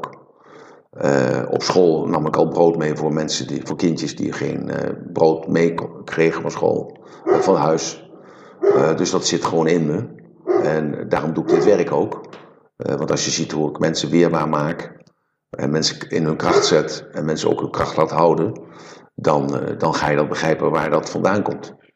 Oké, is dat nog steeds iets wat je veel doet? Mensen helpen in hun kracht te zetten, Ja. weerbaar maken? Ja. ja? Ja, ja, ja, ja. En op, op, op, welke manier doe je dat op dit moment? Nou, dat doe ik eh, dus door middel van seminars te geven, dat is één. Hè? Dus dat zijn de, de directe mensen die dan die niet hebben. maar ik doe dat ook op straat. Ik doe dat ook eh, gewoon eh, als mensen mij aanspreken of als mensen me niet aanspreken. Het kan zijn dat ik ergens zit te eten en dat ik eh, iemand een hand geef die dan mij, dus mij bedient. En dat ik dan al gezien heb wat er aan de hand is. En dan vertel ik die mevrouw of die meneer, zonder dat hij of zij mij gevraagd heeft, vertel ik wat ik vind wat hij of zij moet doen. Of dat ik kinderen tegenkom en eh, dat ik, ik lees dat meteen. En dat ik tegen een kind zeg van, je moet altijd denken dat het goed komt met jou. Want het komt heel goed met jou. Of ik kom gezinnen tegen in het vliegtuig of eh, onderweg, maakt niet uit. En dat ik dan tegen de papa zeg of tegen mama zeg, nou, zij heeft het derde oog. En, eh, of hij, het kan ook zij zijn, of hij zijn. Hij, moet je echt het gymnasium doen. En geloof nou niet dat uh, de CITO gelijk heeft, want hij moet gewoon naar het gymnasium toe. Dat kan hij. Dat krijg ik heel vaak terug, hè? na jaren krijg ik dat terug. Oké, dan ben je een soort, een soort gids, een soort healer? Ja, dat vind ik allemaal uh, wishy-washy, weet je wel. Daar hou ik helemaal niet zo van. Nee, maar goed, als je mensen toch dat soort dingen gaat zeggen... Ja, maar ik ben natuurlijk een autoriteit, hè? Ja, je wordt gezien als een autoriteit. nee, ik ben een autoriteit. En wat ik word niet gezien als een autoriteit, ik ben een autoriteit. Omdat ik natuurlijk zoveel kennis heb. En uh, die kennis is alleen maar... Het, het, het, zit alleen maar in mij, omdat ik daar klaar voor was. Dus ik heb al die, al die stappen heb ik moeten zetten, van leerling naar gezel naar meester. En ik uh, mag me er nu op voorstellen dat ik die autoriteit ben. Uh, je vertelde me pas dat je van plan was om te gaan immigreren naar Thailand, klopt dat? Ja, ja dat klopt. Dat was al eigenlijk al gebeurd half medio, half april, mei.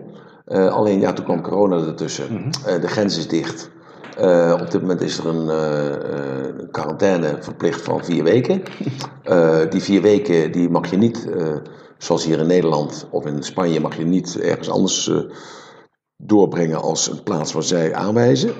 dus dat is op het vliegveld staan hokken. dus kamertjes van vier bij vier. En dan moet je dus dan gewoon een maand verblijven. En dan krijg je eten onder de tafel, onder de deur doorgeschoven. Nou, daar ga ik even dus niet zitten, dat doe ik gewoon niet. Dus het wachten is op A, dat er weer vluchten zijn naar Bangkok, dat is één. En twee, uh, dat het dan zo is dat ik dan uh, niet in quarantaine hoef, of uh, wat twee, drie ja, dagen thuis, is oké. Okay. Ja, ja, of dat ik thuis dan in quarantaine mag zijn. Dus dat gaat zeer zeker gebeuren. ik had vanochtend nog iemand aan de telefoon uit Thailand. daar is het qua corona-verhaal heel positief. Er zijn tot nu toe geloof ik iets van twee of drie doden gevallen. Dus dat is helemaal niks. En er zijn tot nu toe 700 mensen die dan geïnfecteerd zijn, dat is ook helemaal niks. Uh, maar er is wel een hele, uh, de hele trend uh, aan de gang dat, dat, dat die mensen die overleden zijn en die mensen die geïnfecteerd zijn, die zijn geïnfecteerd door mensen die vanuit, de, vanuit de grens kwamen. Die kwamen van buiten Thailand. Dus ze zijn daar nu heel voorzichtig mee voordat ze, die, voordat ze dat opengooien. Dat is één. En twee, zijn ze een beetje terug aan het komen op hun concept wat toerisme betreft. Dus uh, ze, ze krijgen per jaar ongeveer iets van 19 miljoen mensen die Thailand bezoeken. En ze zijn tot de conclusie gekomen van nou, misschien is het beter dat we er maar 2 miljoen hebben. Dat is beter voor het uh, milieu, dat is misschien beter voor uh, onszelf. Dat is misschien beter om evenwichtiger economisch een bestaan op te bouwen. Dus da, da, daar, daar speelt heel veel. en economisch gaat het natuurlijk momenteel niet zo goed. Want wij vergeten natuurlijk in onze rijkdom dat zowel in Afrika als in, uh, in het Verre Oosten, dat er heel veel mensen zijn die leven letterlijk van dag tot dag. Ja. En die hebben zo'n karretje en die, die koken soep en uh, die gaan de straat op en die verkopen voor 100 bad of voor, voor 5 euro verkopen ze nog soep. En dan hebben ze de, die dag weer, kunnen ze overleven. De rest van de soep hebben ze over, dat eten ze dan zelf op. Hebben ze ook weer te eten. Zo, en dat is helemaal weg want die toeristen zijn er niet meer. Ja, ja, De soep wordt niet meer verkocht. Niemand heeft meer geld om soep te kopen. En er is echt niemand in Thailand die 4000 euro gekregen heeft. En er is echt niemand in Thailand die dus uh, subsidie heeft gekregen om zijn personeel aan, uh, aan de slag te houden. Nee, maar goed, als het aantal toeristen drastisch gaat verminderen, dan gaat er ook geen verbetering komen oh, ja. op dat gebied natuurlijk. Er staan echt, echt tienduizenden hotels staan daar leeg. Dat kost ook bakken met geld. Ja, dat is dus onvoorstelbaar, ja. Dus dat is, uh, ja, dat is gewoon onvoorstelbaar, ja. Hey, maar waarom, wat, wat heeft jou doen besluiten om te gaan immigreren naar Thailand? Want het is een fantastisch land, maar... Ja, nou misschien heb je begrepen dat ik daar een, een, een twee maanden in een klooster heb gezeten. Dat is een uh, jaar of uh, drie geleden. Uh, dat was eigenlijk op, was een grapje eigenlijk. dus een vriend van mij die is, dat is de grootste sambalboer, de, sam, de, de, de chili king of the world. Uh, die man die ken ik al, is een hele goede vriend van mij geworden, een broeder dus nu geworden voor mij in het klooster. En uh, die wilde het klooster in. En uh, we hebben heel veel samengewerkt in de afgelopen acht, negen jaar. En uh, dus hij zei tegen mij, god, ik, ik doe een hele speciale manier van meditatie. Dat is het karma verbranden, heet dat. Karma verbranden. En hij zegt, ja, ik wil graag in het klooster, want ik wil het echt leren van, die, van de meester, van de master hemzelf. Ik zei, nou, dan ga je er toch naartoe. Ja, hij ik wil niet alleen. Ik zei, nou, dan neem je toch je vrouw mee. Nee, vrouwen mogen er niet in. Ik zei, nou, neem je toch je broer mee. Ja, mijn broer heeft er geen zin in. Ik zei, nou, neem je toch je directeur mee. Hij zegt, ja, die, die, die, die vinden het allemaal maar niks. Ik zei, nou, je hebt toch wel een vriend? Hij zei, ik heb eigenlijk helemaal geen vrienden. Ik zei, nou, dan ga ik mee voor je. Want dus ik ben meegegaan daarvoor. En uh, ja, dat greep mij eigenlijk zo, uh, dat... Ja, dat het eigenlijk heel, eh, die twee maanden zijn voorbij geschoten. Dus ik kwam terug met een kale kop en helemaal in de heer. En uh, ja, dus dat is blijven hangen, dat is één. Ik heb 50 jaar geleden twee jaar in Thailand gewoond. Dus dat, is, dat was in de jaren 70, dat was in met de tijden van de Vietnamoorlog en de tijden van Cambodja, Pol, Pol Pot. Heb ik daar twee jaar gewoond. En er is nu iets, want dat ik denk bij mezelf, ja, zou dat goed zijn voor mijn kinderen als ik daar zou zijn? Zou dat goed zijn voor mezelf? En zonder dat ik daar eigenlijk antwoord op geef, uh, voel ik gewoon dat dat heel goed is om een nieuwe fase van mijn leven in te gaan. En bijvoorbeeld, ik ben 49, dus ja, ik begin weer een gezin. Ik heb zo weer twee nieuwe kinderen. En uh, ja, dan, ja, en ik ben natuurlijk al een halve blauwe. Hè, want we, komen al vanuit Indonesië en vanuit China. En ik moet zeggen, de eerste keer dat ik daar kwam in 1969, voelde ik me gelijk thuis. Dus ja. Waar ga je ergens wonen in Thailand? Uh, nou, niet in Bangkok, maar dat zal zijn in Chiang Mai of Hua Hin. Oh, ja, dat kan ook uh, daartussenin zijn, dat kan ook op een eiland zijn. Dat moet ik allemaal nog bekijken, dat ligt eraan. Ik, ik, ik ben te actief om te zeggen van ik ga uh, niks doen. Dus als ik op een onbewoond eiland ga, dan ga ik toch weer naar een resort bouwen. Dat er mensen kunnen komen. Of ik ga daar een waterkrachtcentrale maken. Of ik, of ik ga die mensen allemaal opleiden tot, tot coach of tot ondernemer. Of, uh, ik ga in ieder geval niet uh, op mijn luie reet zitten. Dus nee, daar ben ik niet bang voor. Je gaat gewoon zo. Maar ook omdat je het hier een beetje zat bent in Nederland? Nou, nee, want het gaat om jezelf. Hè? Dus je neemt jezelf mee. Dus uh, op elke plaats, ik reis heel veel. Ik heb net verteld, dus, dus ik was toen een jaar of kwam toen net uit militaire dienst. Toen ben ik reisleider geweest. Heb ik eerst in, in Spanje gezeten. Ehm, toen kreeg ik eigenlijk het idee om naar Thailand te gaan van een, van een reisleider die daar zat. Die werkte samen met mij. En die man die, uh, die werkte vier, vijf maanden dan dus in, de, Spanje. Daar verdiende hij zijn geld. En dan meteen daarna vertrok hij naar Nepal. En dan bleef hij dan dus de, tot volgend jaar uh, maart weer. En dan, nou, zo, dat was eigenlijk een beetje toen dat idee dat ik dat gevormd had via hem. Nee, het is hier fantastisch natuurlijk. Er is geen mooier en geen beter land dan Nederland. Het is welvarend. Je mag je eigen ding zeggen. Je mag je eigen ding doen. Ook je het er niet mee eens mag je dat zeggen. Dus ik, uh, nee, je kijkt naar de politiek, hoe dat hier is. Je, kijk, je kunt het er mee eens zijn of niet mee eens zijn. Maar ik ben helemaal niet uh, voor de VVD, laat ik dat even opstellen. Maar ik vind toch wel dat ze het aardig goed doen. En dan CDA, ik ben helemaal niet CDA, ik ben helemaal niet voor meneer de Jong. Dat heb ik ook de laatste keer verteld op LinkedIn, waarom ik vind dat hij niet verkozen moet worden. Maar dat is hij toch. Nou ja, de bevolking van de CDA zal er nog wel achter komen dat ze daar echt helemaal verkeerd aan gedaan hebben. Want die man die past helemaal niet op die plaats. Dat is een, een schoolonderwijzer en dat blijft een onderwijzer. Dus dat is echt fout, fout, fout. Het heeft vergaande consequenties. Maar goed, ook dat zal wel weer goed komen. Nee, dus wat dat betreft. Uh... Je vindt het hier geweldig, maar toch ga je naar Thailand? Wat, ja, ik vind het fantastisch om te gaan en ik vind het fantastisch om terug te komen. Ja, ja. Het is gewoon een soort. Het kan een hele, hele lange vakantie worden, je ziet wat er gebeurt. Nou, ik ga wel weg voor vijf jaar. Dus ik, uh, vijf, nee, dat is toch ja, hele tijd? Ja, ja, nou ja, als je 49 bent, dan is dat natuurlijk. En je hebt al een paar keer gezegd 49, hè? Weet dan maar 71 bent. Maar hoe, hoe ben je bij die, bij die dik 20 jaar jonger terechtgekomen? Want uh, dat je daar internationale pers mee hebt gehaald, een jaar of twee geleden was dat geloof ja, ik. Ja, ja, ja. ja, ja. Hoe, hoe, hoe is dat jou, tot jou gekomen dat je dat wilde doen? Ja, ik weet het eigenlijk niet eens meer. Zal ik je dat vertellen? Kijk, ik laat me elke twee jaar laat ik me checken bij uh, uh, die jongens in Baren, Priescan. ik laat me elke zeven jaar laat ik me doormeten, de ortomoleculair. Nou, dan daarvan weet ik dat mijn waardes uh, zakken, stijgen of hetzelfde zijn. En dan stijgen is beter, zakken is ook beter en hetzelfde zijn is ook beter. Dat er bepaalde uh, verouderingsprocessen stilstaan bij mij. Bijvoorbeeld de botdichtheid. Hè, mijn botdichtheid neemt toe, terwijl het af moet nemen. Uh, mijn TM, mijn T-cellen nemen toe, terwijl ze af moeten nemen. nou ja, zo zijn er een aantal factoren. Mijn, mijn zicht, neemt toe. Hè? Dus ik heb geen bril meer nodig. Uh, althans om ver te zien. En zo zijn er een aantal factoren, wat dus meetbaar verbeterd werd. En uh, de laatste keer, of de ene laatste keer, toen heb ik dat gevraagd aan de professor. En die zegt, ja, hij zegt, uh, dat heeft met jou te maken, want het heeft met jouw wil te maken. want als je kijkt naar de waarden, en dat is ortomoleculair, je weet wat ortomoleculair is.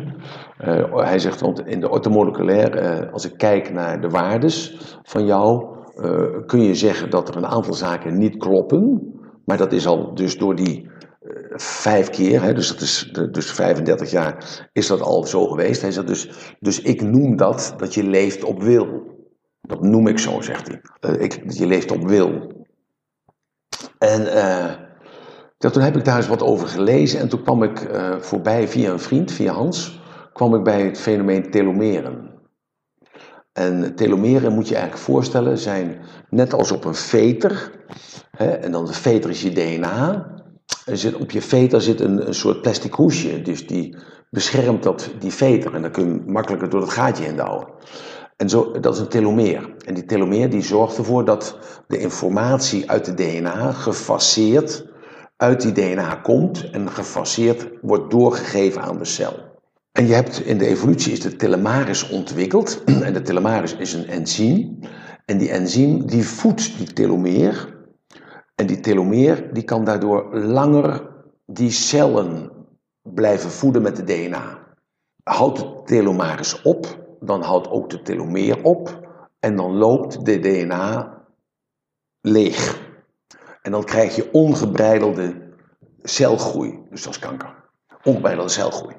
Eh, dus eh, toen zei ik, ja, fantastisch. En hoe ziet dat er dan uit? En hoe groeit dat dan? En dergelijke. En toen zei nou, er is maar één eh, laboratorium die de telomeer kan meten. Ik zeg, en dan? Nou, die telomeer die is zeg maar zo lang, hè, als je geboren wordt. En dan dus de lengte van de telomeer laat dus zien hoe die telomeres samen met de telomeer werkt. Ik zeg, nou, dat is wel interessant. Hij zegt, dus zo bepalen ze dus je biologische leeftijd. Ik zeg, ja, maar ik, zeg, maar ik ben te dik, want ik heb een BMI van 25. Hij zegt, ja, dat is kletskoek, want je hebt heel veel spieren. En als je de BMI vraagt in China, dan eh, moet je namelijk, eh, je bent nu 105 kilo. In China moet je 79 kilo wegen. In Amerika is een andere BMI, dan mag je rustig 105 kilo wegen. Hier in Nederland, nou zo. Hij zegt, dus het gaat om de lengte van de telomeer. nou, dus toen heb ik die man heb ik opgezocht. Dat was in Barcelona. En die man die heeft mij eh, gemeten. En die zei, maar meneer Ratelband, u bent biologisch 49 jaar. En heeft me dat laten zien door de microscoop. Heeft me dat helemaal laten zien. Ik zeg, dus wat houdt dat dan in? Hij zegt, nou, ziet dat uw lichaam ook 49 jaar- weet dat het 49 jaar is. Dus, dus uw potentie is ook 49 jaar. De, uw haar is 49 jaar. De dikte van uw haar, de dikte van uw naad. De gezondheid van uw hart. Eh, nou, de, wat we kunnen zien aan de, eh, aan de hartpompfunctie. eh, je, je zenuwgestel. Nou, bla bla bla bla. Heel verhaal. Nou, dus toen dacht ik, ja, nou, fantastisch. Dus ik ging ermee naar huis. En ik denk, wat doe je dan ermee? Nou ja, ik ben 49, dus punt. Nou, en toen was het net in die tijd dat er een mevrouw uit Breda, volgens mij, die wilde man worden of ze wilde vrouw worden. Een van die twee. En er was een hele stagnatie om. En uiteindelijk is die mevrouw of die meneer is naar de rechtbank toegegaan en die mocht haar paspoort veranderen in andere geslacht. Nou, toen kwam er weer een hele discussie dat elke eh, lesbische of homo of GLBHITO, hè, dat hij dus mag doen en laten wat hij zelf wil. En dat er nu in je paspoort dan het komt te staan in plaats van vrouw of man of helemaal niks komt te staan. En toen dacht ik bij mezelf, ja maar luister, als dat kan, dan moet je ook je leeftijd aan kunnen passen. Want ik was er heel snel achter gekomen dat een dokter dat al doet. Jij komt bij de dokter en die dokter zegt, wanneer ben je geboren? Nou, dan, schrijft hij op. Dus hij denkt, oh, jij bent 55. En dan, dan vraagt hij aan jou, eh, en rookt u? Nee. Drinkt u? Ja, eh, een flesje wijn in per jaar. Eh, sport u? Ja, elke dag eh, een half uur. Eh, hoe, hoe doet u dat dan? Nou, ik doe kniebewegingen en ik loop en ik fiets en ik, ik heb mijn auto eruit gegooid. En zo. zo, dus die man die denkt, oh wacht even, die behandelt jou als een 35-jarige. Zo, dus een dokter doet dat al. Dus die kijkt niet enkel en uitsluitend naar, alleen naar jouw chronologische leeftijd. Hij kijkt naar je biologische leeftijd. Hij kijkt naar je doen en laten, naar je expressie. Ja. Zo, dus hij doet dat al. Dus toen ik dat wist, dus, want ik kwam natuurlijk bij mijn huisarts, die ik niet heb, maar die heb ik dan aangewezen gekregen van de voorzorg. Dus, en ik heb hem dat verhaal verteld en ik heb een paar vriendjes die zijn huisarts. En die zeiden, ja, dat is ook zo. Ik heb een paar vriendjes die zijn dierenarts. Die zeiden, ja, met dieren is dat ook zo. Dus ik ga me wel bevinden. Nou, dus eh, toen dacht ik, nou, ik, eh, ik ga naar het, hier naar het gemeentehuis in Arnhem en ik ga mijn leeftijd veranderen. Dus ik, eh, ik kwam daar aan en ik, eh, ik zei, nou, ik heb mijn afspraak gemaakt om mijn leeftijd te veranderen naar 49. Dus die vent die begon te lachen. Hij zegt, eh is dit de tweede keer dat ik u tegenkom, meneer Rafelband? De eerste keer kwam u uw zoon melden dat hij Rolls Royce ging heten. Dat heb ik geweigerd. En dit weiger ik ook. Nou, ik zeg, ja, maar luister, ik zeg, eh, hoezo dan? Nou, een discussie. Hij zei, nou, dan schrijft u maar een brief naar de burgemeester en dan hoort u wel, als de burgemeester anders bepaalt, dan, eh, dan doe ik het ook. Dus ik heb een brief naar de burgemeester geschreven. Nou, die begon ook te lachen natuurlijk. Die zei, nee, dat doe ik niet. Ik zei, ja, maar ik wil het toch. Hij zei, nou, dan moet je naar de rechtbank gaan. Dus ik ben naar de rechtbank gegaan. Maar dat is verhaal. Oké. Zo. Waarom, Dus- eh, waarom heb je dat willen doen? Nou ja, als je je, je geslacht kan veranderen, je kunt je familienaam veranderen. Ja, maar waarom zou je daar tijd en energie in steken, bedoel ik? Ja, goed, ik ben een bewustzijnsverruimer. Dus kijk, ik ben ervan overtuigd dat er heel veel mensen zijn die dus net zo zijn als ik. Die er gewoon eh, 50 jaar zijn of 70 zijn. En die voelen zich jonger, die functioneren jonger. en die willen gewoon eh, deelnemen aan het arbeidsproces. Eh, die willen gewoon hun relatie weer een nieuwe eh, shot geven. Of die willen gewoon, eh, ja, weet ik veel wat voor leeg. Ja, maar dat kan toch ook allemaal? Je hoeft niet per se dan je leeftijd te laten veranderen in je paspoort. Ja, maar je wilt gewoon niet elke maand herinnerd worden aan het feit dat je 67 plus bent door die AOW-premie of die AOW-uitkering waar. die je krijgt. Ja, daar heb ik, ook, ik heb ook 50 jaar lang premie voor betaald, dus het is gewoon een verzekering die uitkeert. Zo kun je het ook zien. Dus kun je- natuurlijk kijk ik er ook zo naar. En ik, eh, En je ook wat geld eh, sturen naar, naar een goed doel of zo. Nee, maar, ja, dat, natuurlijk, want ik heb eh, duizend brieven gekregen van mensen van ik zal je mijn bankrekening geven, dan kunt u de AOW opschrijven. Ja, ja, ja. Nee, maar het gaat, het gaat om principe. Het gaat om, het gaat om principe. Je- dus dat je dat eh, kunt doen en kunt veranderen. En eh, als je je geslacht kunt veranderen, kun je dat ook veranderen. Want al die mensen die hun geslacht veranderen op jou en mijn kosten, laten we dat even niet vergeten. Hè, en pillen blijven slikken totdat ze er krom bij en neervallen. En ook nog ongelukkig zijn, laten we dat ook niet vergeten. Want ik heb tot nu toe nog niet één omgebouwde gehoord na vijf jaar dat hij of zij gelukkig is geworden. En zich daarom dan maar weer om laat bouwen. Ja, vond ik gewoon dat ik ook dat recht heb. Nou, dat schijnbaar niet. Maar ik ben wel zo gaan leven. Ik ben gaan leven als 49 jaar. Dus als je mijn leeftijd vraagt, dan ben ik nog steeds 49. Dat Dus zeg je ik tegen iedereen. Ze zeggen, hé, e-mail, wat ziet er goed uit? Ja, ik ben pas nee, nee, 49. nee, ze zeggen, nee, ze zeggen wel nu van, nou, je, je ziet er ouder uit dan 49. Ik zeg, nou, eh, hoe vind je dat? Nou, je ziet eruit als 53. Nou, dankjewel. Nou ja, goed. eh, maar, maar mijn houding is veranderd. Ten houding, mijn houding is veranderd naar voedsel toe. Mijn houding is veranderd naar drank toe. Mijn houding is veranderd naar andere mensen toe. Mijn houding is veranderd naar, naar de wetenschap toe. Allemaal heeft dat gewoon eh, heel veel impact gehad. Die beslissing die ik heb genomen dat ik 49 ben. Oké, maar dat, dat ben ik met je eens. Hè. Jouw mindset is alles bepalend. Als jij jou Yes. tegen jouw brein vertelt, dit is de waarheid, Ja. en dat blijf je maar volhouden, dan gaat dat uiteindelijk ook de waarheid worden. Wat doe jij om er als 49 uit te blijven zien?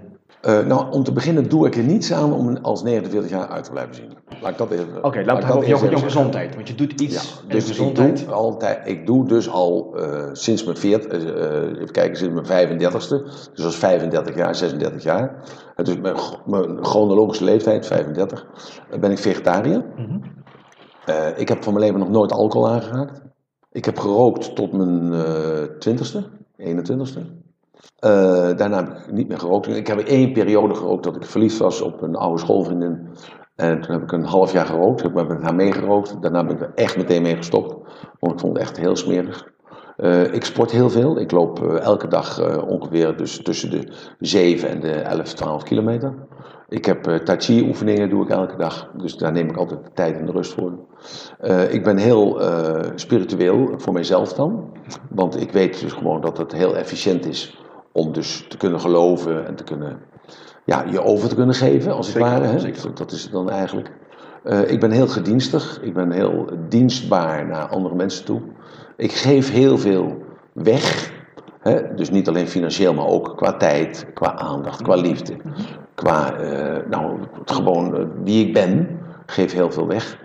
Ehm, omgeef mij eh, met mensen, ik heb dat afgelopen zaterdag nog verteld, dat mensen die negatief zijn, die, die zijn dan negatief voor mij. Ik herken dus negatieve patronen daarin, dus het heeft met mij te maken, niet met hen te maken. maar als dus dat proces eh geheeld is, hè, dat ik dus mezelf geheeld heb, en ze blijven doorgaan, dan elimineer ik ze. hen. Dus dan eh, elimineer ik hen uit mijn directe omgeving. Dus dat, nee, dat, ik heb dus een aantal vaste set van ritualen per dag. Dat wil ik net vragen. Ja, hoe ziet je ochtend eruit? Je Ja. ochtendrituelen. Nou, ik, eh, ik slaap tussen de, tussen de drie en de vijf uur per nacht. Dus ik ga heel laat naar bed. Ik sta 's morgens altijd heel vroeg op. Dat schijnt heel ongezond te zijn. Maar dat is een van de, van de redenen hè, dat, dat, dat je snel doodgaat. Maar dat is dus niet waar. Want er zijn heel veel sterke mensen, eh, maar ook heel veel uh, kiezingen. Sliep heel weinig, slaapt heel weinig. Kennedy sliep heel weinig. Eh, ik wil me niet vergelijken met hen, maar ze, bijvoorbeeld Karel Appels sliep ook heel weinig. Ja, er zijn heel veel mensen die heel weinig slapen. Dus dat, wat dat is, weet ik niet. Maar slapen schijnt wel een voorwaarde te zijn om gezond oud te kunnen worden. Terwijl ik dat dus uh, bestrijd, omdat uh, ik dat zelf dus niet doe. Uh, want men zegt, je hebt acht uur slaap, tussen de zes en acht uur slaap nodig, om je, ehm, je dag te verwerken. Kijk, en ik heb een gebed aan het eind van de dag om mijn dag te verwerken. Ik sluit mijn dag af. Dus mijn gebed is s'avonds, wat heb ik vandaag gegeven en aan wie en wat? Wat heb ik geleerd van wie en hoe? En wat heb ik vandaag gedaan waar ik trots op mag zijn? En ik geloof dat als je overgaat naar een andere energie, dat dan daar iemand zal zijn en die al mij zal vragen: wat heb je geleerd van alle toevalligheden die ik op je pad heb laten komen? En wat heb je gegeven van alle talenten die ik jou heb gegeven? En wat heb jij gedaan waarop ik, geschreven met hoofdletter, trots kan, mag zijn? Zo, dus ik sluit elke avond af. Dus ik droom ook niet. Ik heb geen nachtmerrie s'avonds. Ik heb nooit een, een gedachte van dat had ik anders moeten doen. Dat heb ik fout gedaan. Want die gedachte heb ik dus dan wat heb ik, eh, bij dat rituaal. Dan schrijf ik dat ook op. En dan de volgende dag maak ik dat af. Mhm. Dan, dan vergeef ik hem of haar. Of ik vraag vergiffenis aan hem of haar. Eh, of ik schrijf een brief van, eh, dat ik het van me afschrijf. Dus ik, ik, ik zet mezelf onder lijn wat dat betreft. Mm ja. Om uh, daarop voor te beduren, wat is hetgene waar je het meest trots op bent in jouw leven? Op de persoon die ik geworden ben. Daar ben ik het meest trots op. Omdat het mijn eigen verdienste is. Het is mijn eigen verdienste dat ik dus die, uh, die shit omgedraaid heb in, het, uh, in mijn voordeel. Dat ik al die negatieve ervaringen die ik in mijn leven heb gehad, die op dat moment negatief waren, dat ik daar niet in ben blijven hangen. Want het was veel makkelijker geweest om uh, daarin te blijven hangen en zo te worden, wat een logisch gevolg was geweest van die afkomst, zeker van uh, die input, uh, van te weinig opleiding, van omgevingen, dat ik toch gezegd heb, tot hier, niet verder, weg ermee, en ik begin met iets nieuws. Dus je kunt in mijn leven ook zien gewoon, dat ik gewoon dingen losgelaten heb en gewoon meteen ook een totaal andere kant ben opgegaan. He, want men moet natuurlijk niet vergeten dat ik, eh, ik eigenlijk een, gewoon een heel dood eenvoudige broodbakker ben geweest. En van daaruit, eh, vanuit de metafoor van brood, dat ik eigenlijk uh, ja, toch verder door mezelf ontwikkeld heb. Ja. Uh, wil, wilskracht, hè? dus hetzelfde wat dus die orthomoleculaire arts zei. Van het is dus de wilskracht die ervoor gezorgd heeft dat je dus fysiek zo sterk bent. En dat klopt dan ook wel, want als ik dan terugga in de tijd, ik was 20 jaar, uh, lag ik in het ziekenhuis Wilhelmina Gasthuis bij professor Durr. En prof, professor Durr stelde gewoon het feit dat ik nog twee jaar te leven had met mijn hartafwijking. En naast mij lag meneer Slavenburg en lag meneer Jopie Goudeketting van de Albert Kuip. En Jopie Goudeketting die overleed s'nachts. En meneer Slavenburg overleed s ochtends voordat de zuster kwam om je kont af te vegen, schoon te maken. En dus heb ik me aangekleed en stond ik klaar om te gaan. Ik heb allerlei papieren moeten tekenen omdat het mijn eigen verantwoordelijkheid was om weg te gaan. en dat ik niemand aan kon klagen daarvoor. Dus dat was al, uh, dat is dus uh, meer dan 50 jaar geleden. En dat was toen al dus die uh, dus afschuifmaatschappij. En dat heb ik gedaan. En drie jaar later ben ik teruggekomen en alles was weg. En uh, professor Durrer, ik hoorde hem nog zeggen: Het is een wonder van God dat je er nog bent. Ik zeg nee, het is een kwestie van focus veranderen. Wat zou je nog graag willen bereiken in je leven? Ik ben nu in 49, 71. Je gaat een nieuwe toekomst tegemoet in Thailand. Je wordt zijn vader. Wat zou je nog graag willen bereiken? Ik heb wat dat betreft nooit wensen gehad van dit zou ik willen bereiken omdat ik op het pad ben. En dat pad dat leidt mij tot iets wat mij weer verder zal brengen, tot iets anders. En wat dat is, dat weet ik niet. Ik weet wel dat het grote succes nog moet komen. Dat weet ik wel. En het grote succes, wat is dat voor jou? Ja, dat weet ik niet. Dat weet ik niet. Daar maak ik me ook helemaal niet druk om. Ik dacht een jaar, aantal jaren geleden met het inzicht van eh, somatologie en bodylogic dat dat dan, dan het succes had moeten worden. Hè? Dat heb ik nog even gedacht. Maar toen dacht ik, nee, dat, dat is het helemaal niet. Het is, heel, het is gewoon heel iets anders. Maar is dat nog een soort leegte dan die je ervaart, die gevuld mag worden? Ik denk niet zo in, uh, in leegtes die nog gevuld moeten worden. Nee, het is, het is ook geen verlangen. Want ik ben gewoon hartstikke tevreden en hartstikke blij en hartstikke gelukkig. Hè? Op zijn tijd natuurlijk dan. Eh, waar ik dan op kan participeren. Nee, dat is het allemaal niet. Het is gewoon een weten. Dat, dat, is, ja, dat is het antwoord. Weten. Het is een weten. Maar weten dat er nog iets moet komen? Ja, het rare is, misschien vind je dat heel raar als ik dat vertel. Eh, wij gingen met poffertjes naar Amerika. Met mijn toenmalige vrouw en mijn drie kinderen, mijn drie oudste kinderen. Die toen een leeftijd hadden van twee keer acht en één keer vier. Ik stapte er zo in de blind in. niet omdat ik daar heel veel geld ging verdienen, niet omdat ik daar heel succesvol zou worden, niet omdat ik dat nodig had, niet omdat ik. Nee, er was gewoon een innerlijke, innerlijk iets die zei: eh, daar ga je naartoe.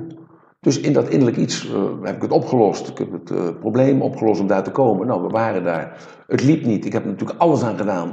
Echt, echt, echt. Ik neem maar van me aan. Ik heb er echt meer dan alles aan gedaan om ervoor te zorgen dat het ging lopen. Nou, het ging helemaal niet lopen. Het, leek wel of de vloek erop was, maar ik heb dat nooit ervaren dat de vloek het was. En toen hebben we op indicatie van Jenny, mijn toenmalige vrouw, ze hebben de auto gepakt en zijn we naar Vancouver gereden. Nou, en van Vancouver naar Los Angeles gereden. En daar stonden we op de hoek van Venice Boulevard en uh, Santa Monica Boulevard stonden we poffertjes te bakken. Toen kwam er een politieagent en die wilde alles confisceren, in beslag nemen. En daar kwam in één keer een man tevoorschijn en die zei: ik, ik heb poffertjes gegeten afgelopen zomer uh, op de Dam als ontbijt, want ik sliep in uh, Krasnapolski. En uh, ik vond het zo lekker. En ik ben aan het draaien op de beach en ik ruik poffertjes. Ik ben hartstikke gek geworden. En in één keer was die vlaag weer weg. Ik denk, nou, het was een uh, hallucinatie. Even later kwam die vlaag weer, dus toen kom even kijken. Nou ja, en hij overreed die politieagent om te zeggen van, uh, confiskeer nog niks. Ik ben verantwoordelijk voor die man, die tekende een of andere bill out of zo. Bill out voor mij, terwijl hij me niet kende. Alleen maar op het feit dat ik de poffertjes stond te bakken. Nou ja, en met die man uh, ben ik meegegaan uh, naar de beach. We hebben daar voor de eerste keer sinds zes weken normaal gegeten. dus allerlei sterren. En, uh, en zoals ik ben, heb ik gezegd: God, ik wil graag wat terug doen. Kan ik poffertjes bakken? Hij zei: Nou, kom morgen naar de Burbank Studios in Hollywood. En bak poffertjes voor me. Heerlijk. En ik heb dat gedaan. Mijn vrouw die zei: Je bent hartstikke gek. Ik zei: Nou, we doen het toch. Ik zie me daar nog voor de, voor de gate staan. En Jenny zei: van, ja, Laat je er niet in, want die man heeft het vergeten. Was je lief, je wordt gek houden. Je dit. Maar ik zei, nou, dat is niet zo. Nou, dus die man zei, u staat niet op de lijst. Dus ik denk, ze zal toch verdomme niet gelijk hebben. Dus ik keek mee op de lijst en er stond 1-0 in plaats van Ratelband. nou ja, dus het, nou, en de rest is geschiedenis.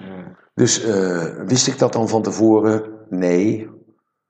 Wist ik het van tevoren? Ja. Weet je? Net zoals nou ook. Ja. ja. Zo, want ik wist gewoon dat het goed kwam. Maar dat wist ik als kind zijn al. Ja, die van God. Ja, ja. Maar, maar, maar, kijk, mijn vader sloeg mijn moeder. En ik, ik flikkerde hem van de trap af. Toen was ik uh, vijf jaar. Hè? Mijn vader trok een mes en ik gaf mijn schop tegen zijn kloten aan. Ik was zes jaar. Uh, dat doe je gewoon. Ja, nee, schijnt, dat schijnt niet zo te zijn. Ik las laatst een verhaal van een mevrouw die was verkracht. En die was weggelopen en die, die schreef in dat stuk, schreef ze... Alleen al dat ik weggelopen ben, maakt mij meester over hem. Uh, meester over jezelf bedoel je. Dus je neemt hem niet mee in je gedachten. Mm -hmm. Ik ben nooit kwaad op mijn vader geweest. Nooit. Nooit. Want hij deed ook zijn best. En, en, en dat hij te veel uh, dronk, ja, dat was een, uh, ook een moment van zwakheid. En ik stel me nu pas de vraag, nu pas, nu ik dan 49 ben, stel me nu pas de vraag van, van, ja, maar hoe vaak was je dan bezopen? Was dat dan elke week of was dat één keer in de maand of zo? Maar er is niemand meer die me antwoord kan geven.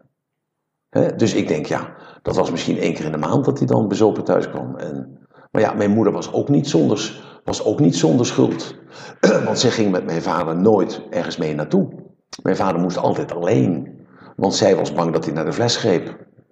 En uh, dat was eigenlijk heel ongezellig. En uh, mijn, moeder, mijn vader wilde dan met ons naar de kermis. En dan zei mijn moeder, nee, dat is alleen voor ASO's. Dus ik wil niet hebben dat je naar de kermis gaat. Nou, en dan zei mijn vader, zei, nou, dan gaan we naar het Afrika Museum. Nou, ik geloof dat we honderd keer naar het Afrika Museum zijn geweest, weet je wel. In Bergendal. ook, ook, we zijn er ook wel geweest, maar...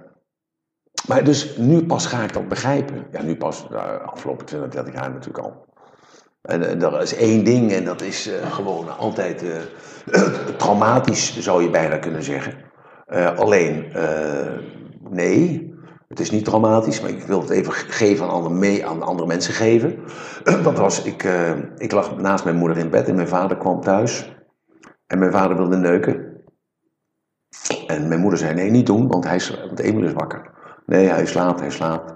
Nee, ik uh, wil niet. Hij zei, ja, ik wil lekker neuken met je, zegt hij. En, maar ik was uh, vijf, zes, zeven jaar of zo. Nee, ik wil niet. Nou, ze kreeg een beetje woorden en uiteindelijk uh, hij weg. Nou, ik val in slaap en ik, ik ben dat vergeten gewoon. Ik heb ook de volgende dag niet gevraagd wat betekent dat. Ik wist niet eens wat dat betekende. Daar gaan dus jaren overheen. Ik word dus, ben volwassen. Ik heb een relatie. Ik zal er geen naam noemen nou wie dat was. En ik, uh, ik zeg tegen mijn vrouw, zeg ik, uh, god, ik wil, uh, wil lekker met je vrijen. En zij zegt nee. En ze draait zich om. Ik zeg, ik zeg ja, ik, ik heb zo'n behoefte aan je. En ik, ik was heel zacht en ik was heel vriendelijk en ik was heel lief. En ze zegt nee. En in één keer komt dat beeld van mijn vader en moeder thuis. Komt terug. En op dat moment dacht ik bij mezelf, nou begrijp ik hem. Nou begrijp ik hem pas. Geen rechtvaardiging, hè? Mhm. Want begrijpen wil niet zeggen rechtvaardigen. Maar nou begrijp ik hem pas. Dus je moet het, e- dus je moet het eerst zelf meemaken. Ja. Voordat je dus degene die je dan veroordeeld had. Ik had hem niet veroordeeld, maar dat je degene die je veroordeeld had. Dat je hem begrijpt. Ja. Nou ja, je bent pas 49, maar ik heb ook een dag dat jij uh, de aardbodem gaat verlaten. Ja. Um, hoe wil jij later herinnerd worden? ik hoef niet herinnerd te worden. Nee. Ik geloof dat ik herinnerd zal worden zoals mensen mij beleefd hebben, zoals zij mij beleefd hebben.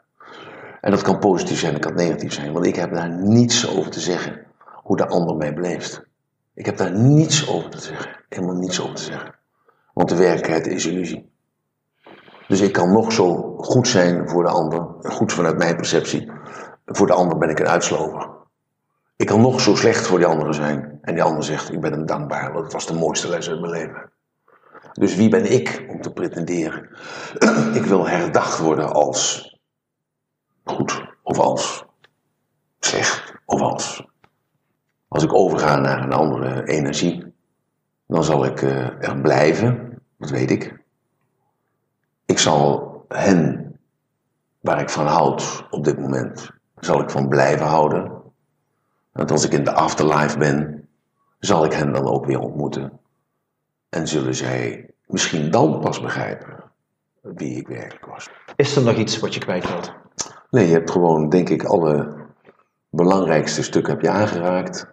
Ik vond het een eer dat, ik, uh, dat je me uit liet praten, want je, je bent geloof ik maar twee keer of drie keer heb je wat aangevuld of verhelderd of verduidelijkt. Voor de rest heb je me twee uur uh, laten kletsen. En uh, dankjewel voor de sfeer dat je creëert, want het is natuurlijk wel jouw verdienste dat je ervoor zorgt dat ik me op mijn gemak voel en dat ik gewoon mezelf durf te zijn in deze situatie. Want ik weet als geen ander hoe uh, woorden ook uh, verbogen kunnen worden of veranderd kunnen worden door een beetje licht en geluid toe te passen in de, in, in de, in de, opnameapparatuur. Maar ik, ik heb er 100.000% vertrouwen in dat je, dat je een volledig integer mens bent. En dat je daar gewoon, dat je alleen het goede voor hebt met de ander, zeker met mij. Dus ik ben alleen maar dankbaar. En dankjewel dat je me de gelegenheid hebt geboden. En ik spreek de wens uit dat er veel mensen zijn die mij begrijpen. Ja, nou ja, dankjewel. Dankjewel voor die hele mooie woorden trouwens. Dankjewel. Het was een eer om je als gast te mogen hebben. Dus hartstikke bedankt voor je tijd, want je bent een ontzettend druk mens. En uh, ik vond het een eer om met jou te praten en je beter te leren kennen. Dus Emiel, hartstikke bedankt daarvoor. Ja, bedankt. Beste kijker, ik hoop dat jij er ook van genoten hebt. Ik vond Ja. het in ieder geval een ontzettend mooi gesprek. Dus uh, hartstikke bedankt voor jouw tijd. En uh, until we meet again. Much Yes. love. Bye bye.